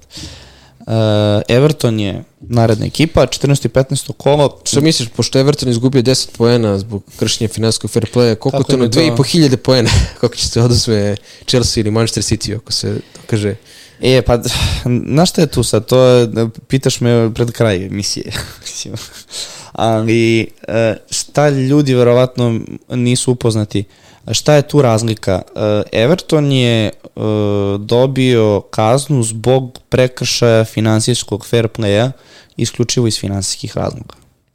E, Chelsea je u procesu, sad ja nemam stvarno vokabular No. pravnika, niti ekonomiste, ali je u procesu, da kažemo, dogovora sa premier ligom iz razloga što su promenili upravu, ali je Chelsea, šta je jako bitno, prihvatio krivicu za stvari za koje su ajde da kažemo, opteretili Chelsea. Dakle, Chelsea će imati sankcije. Pitanje je kakve. Znači, da li uvek- finansijski pa da vrlo nas- verovatno finansijske. Sumnjam da su to bodovi u pitanju, ali ne razumem se, niti si iko od nas da. razume toliko, ali shvatio sam toliko da su oni to prihvatili kao razlog, odnosno kao objašnjenje da je to bilo za vreme Romana. Drugi vlasnici ušli u klub, jeste tako je, pa sad kako god.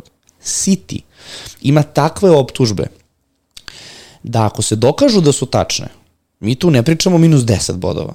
Ono, Apsolutno. Panorama liga. Znači, ako, od prilike. Dakle, ako se dokaže da je to sve tačno, ne, znači ne, ne postoji kazna minus ne znam koliko bodova. Dakle, oni moraju biti izbačeni iz lige.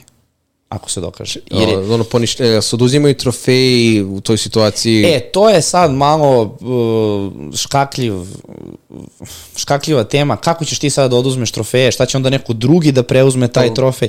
To je sad, znaš, malo pitanje. Ok, ako ti oduzimaš bodove, primjera radi, ćeš ti da oduzmeš na početku sezone, tokom sezone, na kraju sezone.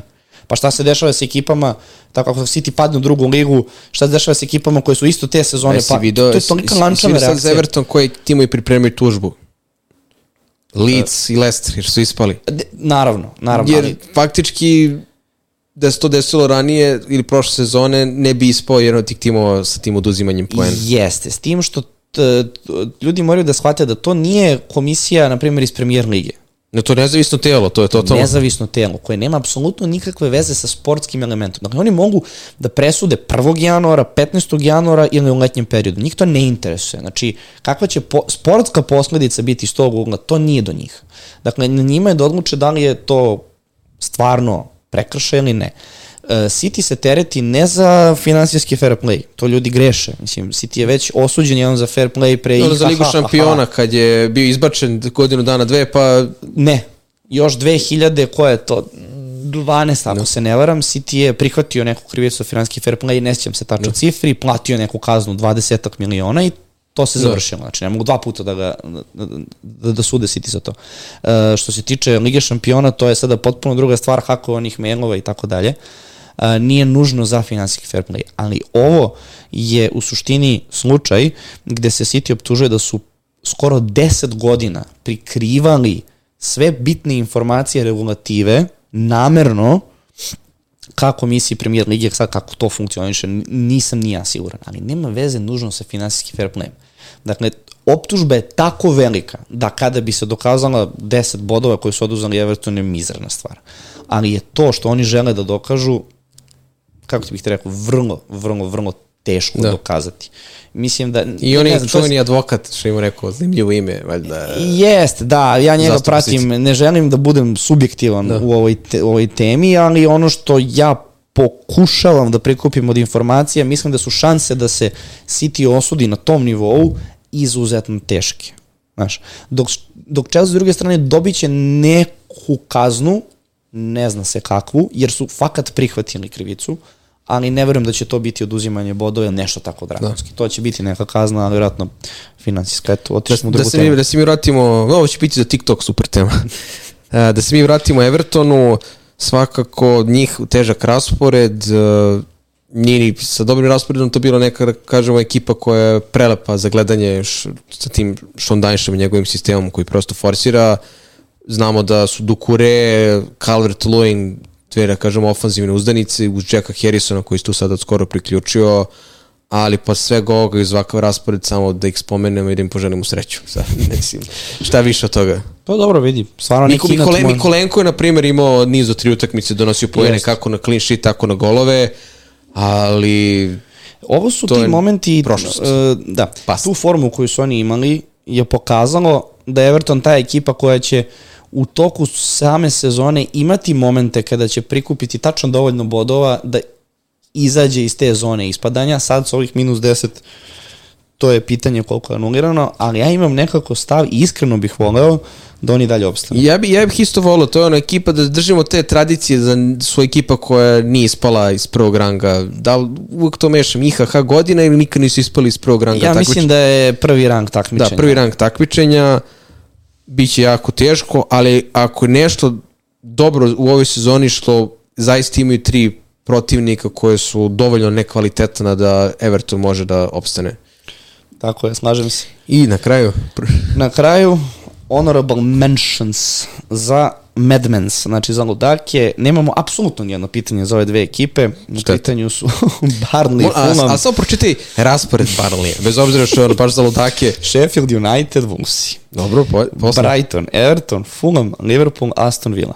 Dakle, do Liverpoola pet utakmica, gde Barnley ako planira da, Bo, ovo je, da, se bori za opstanak, Jeste. mora da uzme od na tih pet utakmica šest pojena, kako znamo. To je neki minimum. Dakle, ima six pointer sa Sheffieldom, pa ne možemo kažemo six pointer sa Wolvesima koji su daleko jer su skoro svi timovi iznad, ali imaju tri, imaju Ev- Everton, imaju Brighton, imaju Fulham, dakle imaju četiri tima koji su u donjem delu tabeli, Brighton koji štuca u problemima.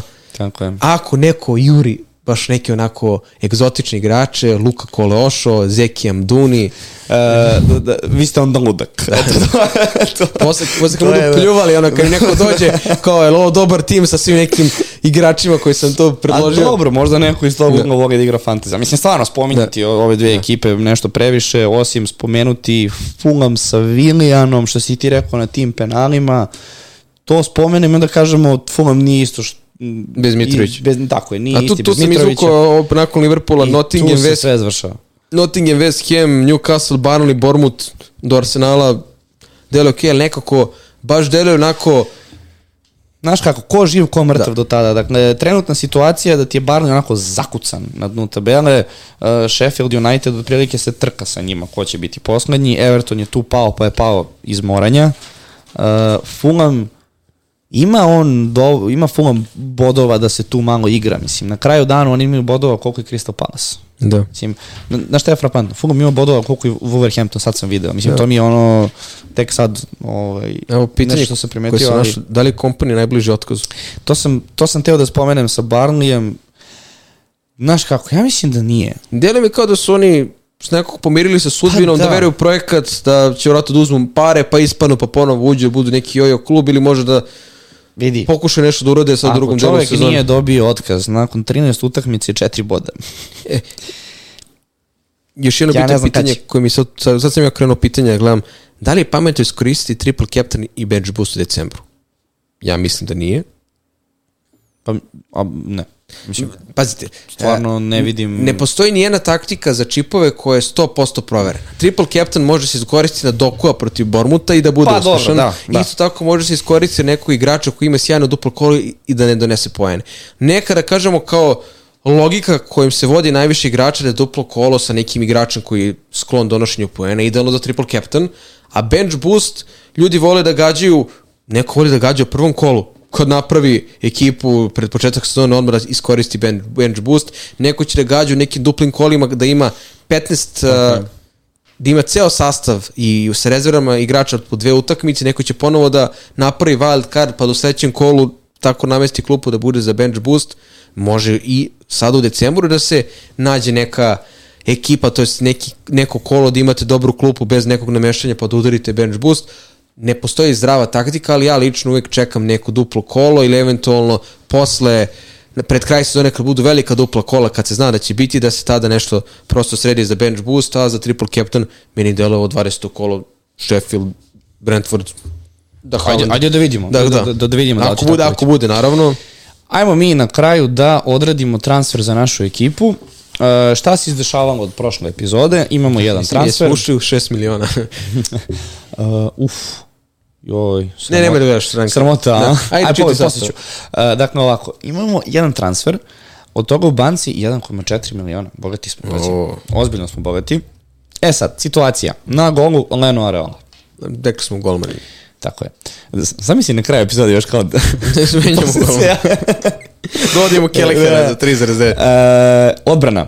Keš, Mitchell, Cimikas, Udogi, Kabore. Cash, Mitchell, Keš, Mitchell, Cimikas, Udogi, Kabore. Uz napomenu da ćemo, im, da, u stvari, da imamo tri igrače za Aston Villa. Dobro, Dobro, da mislim nekako Cimikas ostaje zakucan, Tako je. Cash će morati da bude zakucan, dakle ostaje nam u Dogi, Kabore i Udogi, Kabore i Mitchell. pa može, možemo probamo sa Mitchellom ili Udogim, da ne diramo odbranu. E, Dobro. ajmo dalje, znači, pazi sad, e, Martinelli, Mbeumo, Salah, Gordon i Diaby. kako su mi već tako loši kad pogledaš sredinu. Dobro. E, napad, Archer, dobro, on je klupa, i Watkins i Haaland. Dobro, Watkins Haaland ne diramo. Tako je. Meni u ovoj situaciji kada pogledam ne bih dirao ni Martinellija jer ima Pa, dobar ja, da. raspored ver, igraće U suštini reci, di je bi, jel da, tako? da, ne? Diabija. Pa vidi. Koliko ne imamo para kad je Diabi Mnogo bebato. mnogo? 8,1. 8,1 i sad ćemo ovaj, odmah da stavimo. Ovako, 8,1 milion. Šta nam donosi? Foden. E, hoćeš zapravo da idem po ceni ili ćeš po bodovima? Kako god je tebi lakše. Ajmo ovako. E, imamo redom, dobro, Douglas Lewis, Sterling. Sterling uh, Hwang, Bruno, u stvari ne može Bruno, pardon, uh, Foden, Ward Prowse, Dukure, McGinn, Soboslaj, Pazi, hoćeš da... Toros. Pada mi na pamet da gledamo kao neke dve utakmice, možda probamo sa Kudusom. Meni se baš sviđa kako igra. Ja sam doveo Gibbs White u moj lični tim. Ajde, kao da ne dupliramo, razmisli o njemu. Luka Koleašu.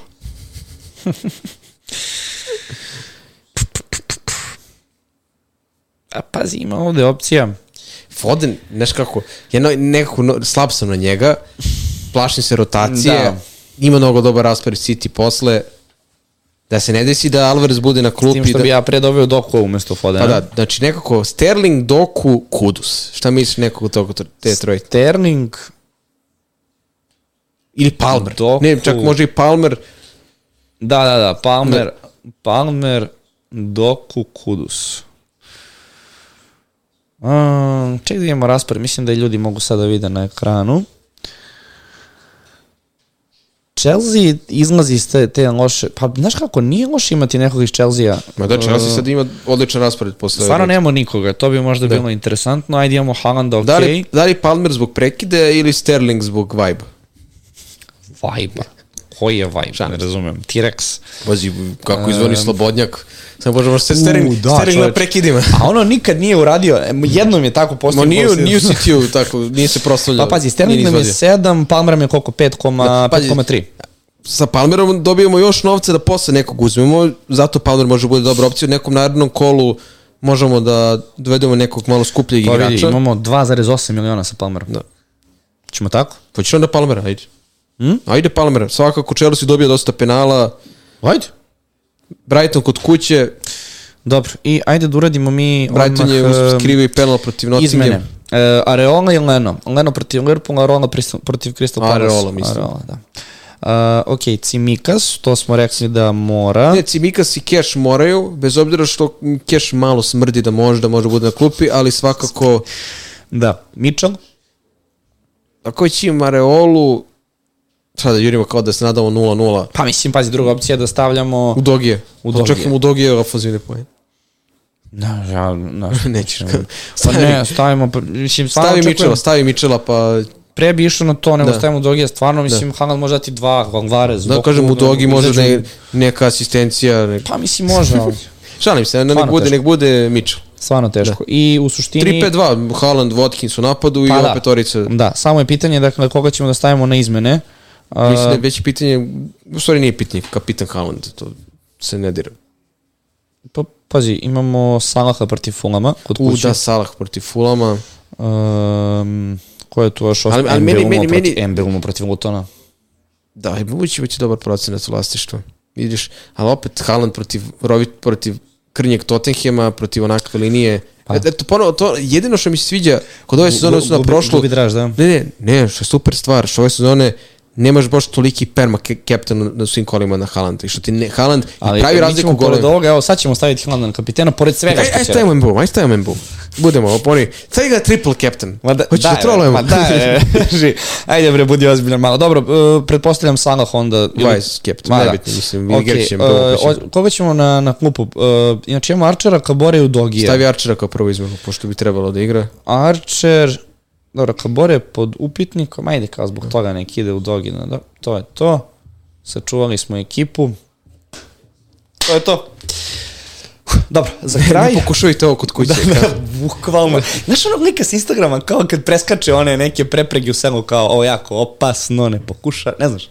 Ne znam, ali Pokažite znam, posle, sad će. Pokažite, komedije. Uh, u svakom slučaju, da pozdravimo našeg drugog sponzora, u pitanju je Tapni, koji nam svake nedelje šalje naše personalizovane Fantasy Masteri biznis kartice.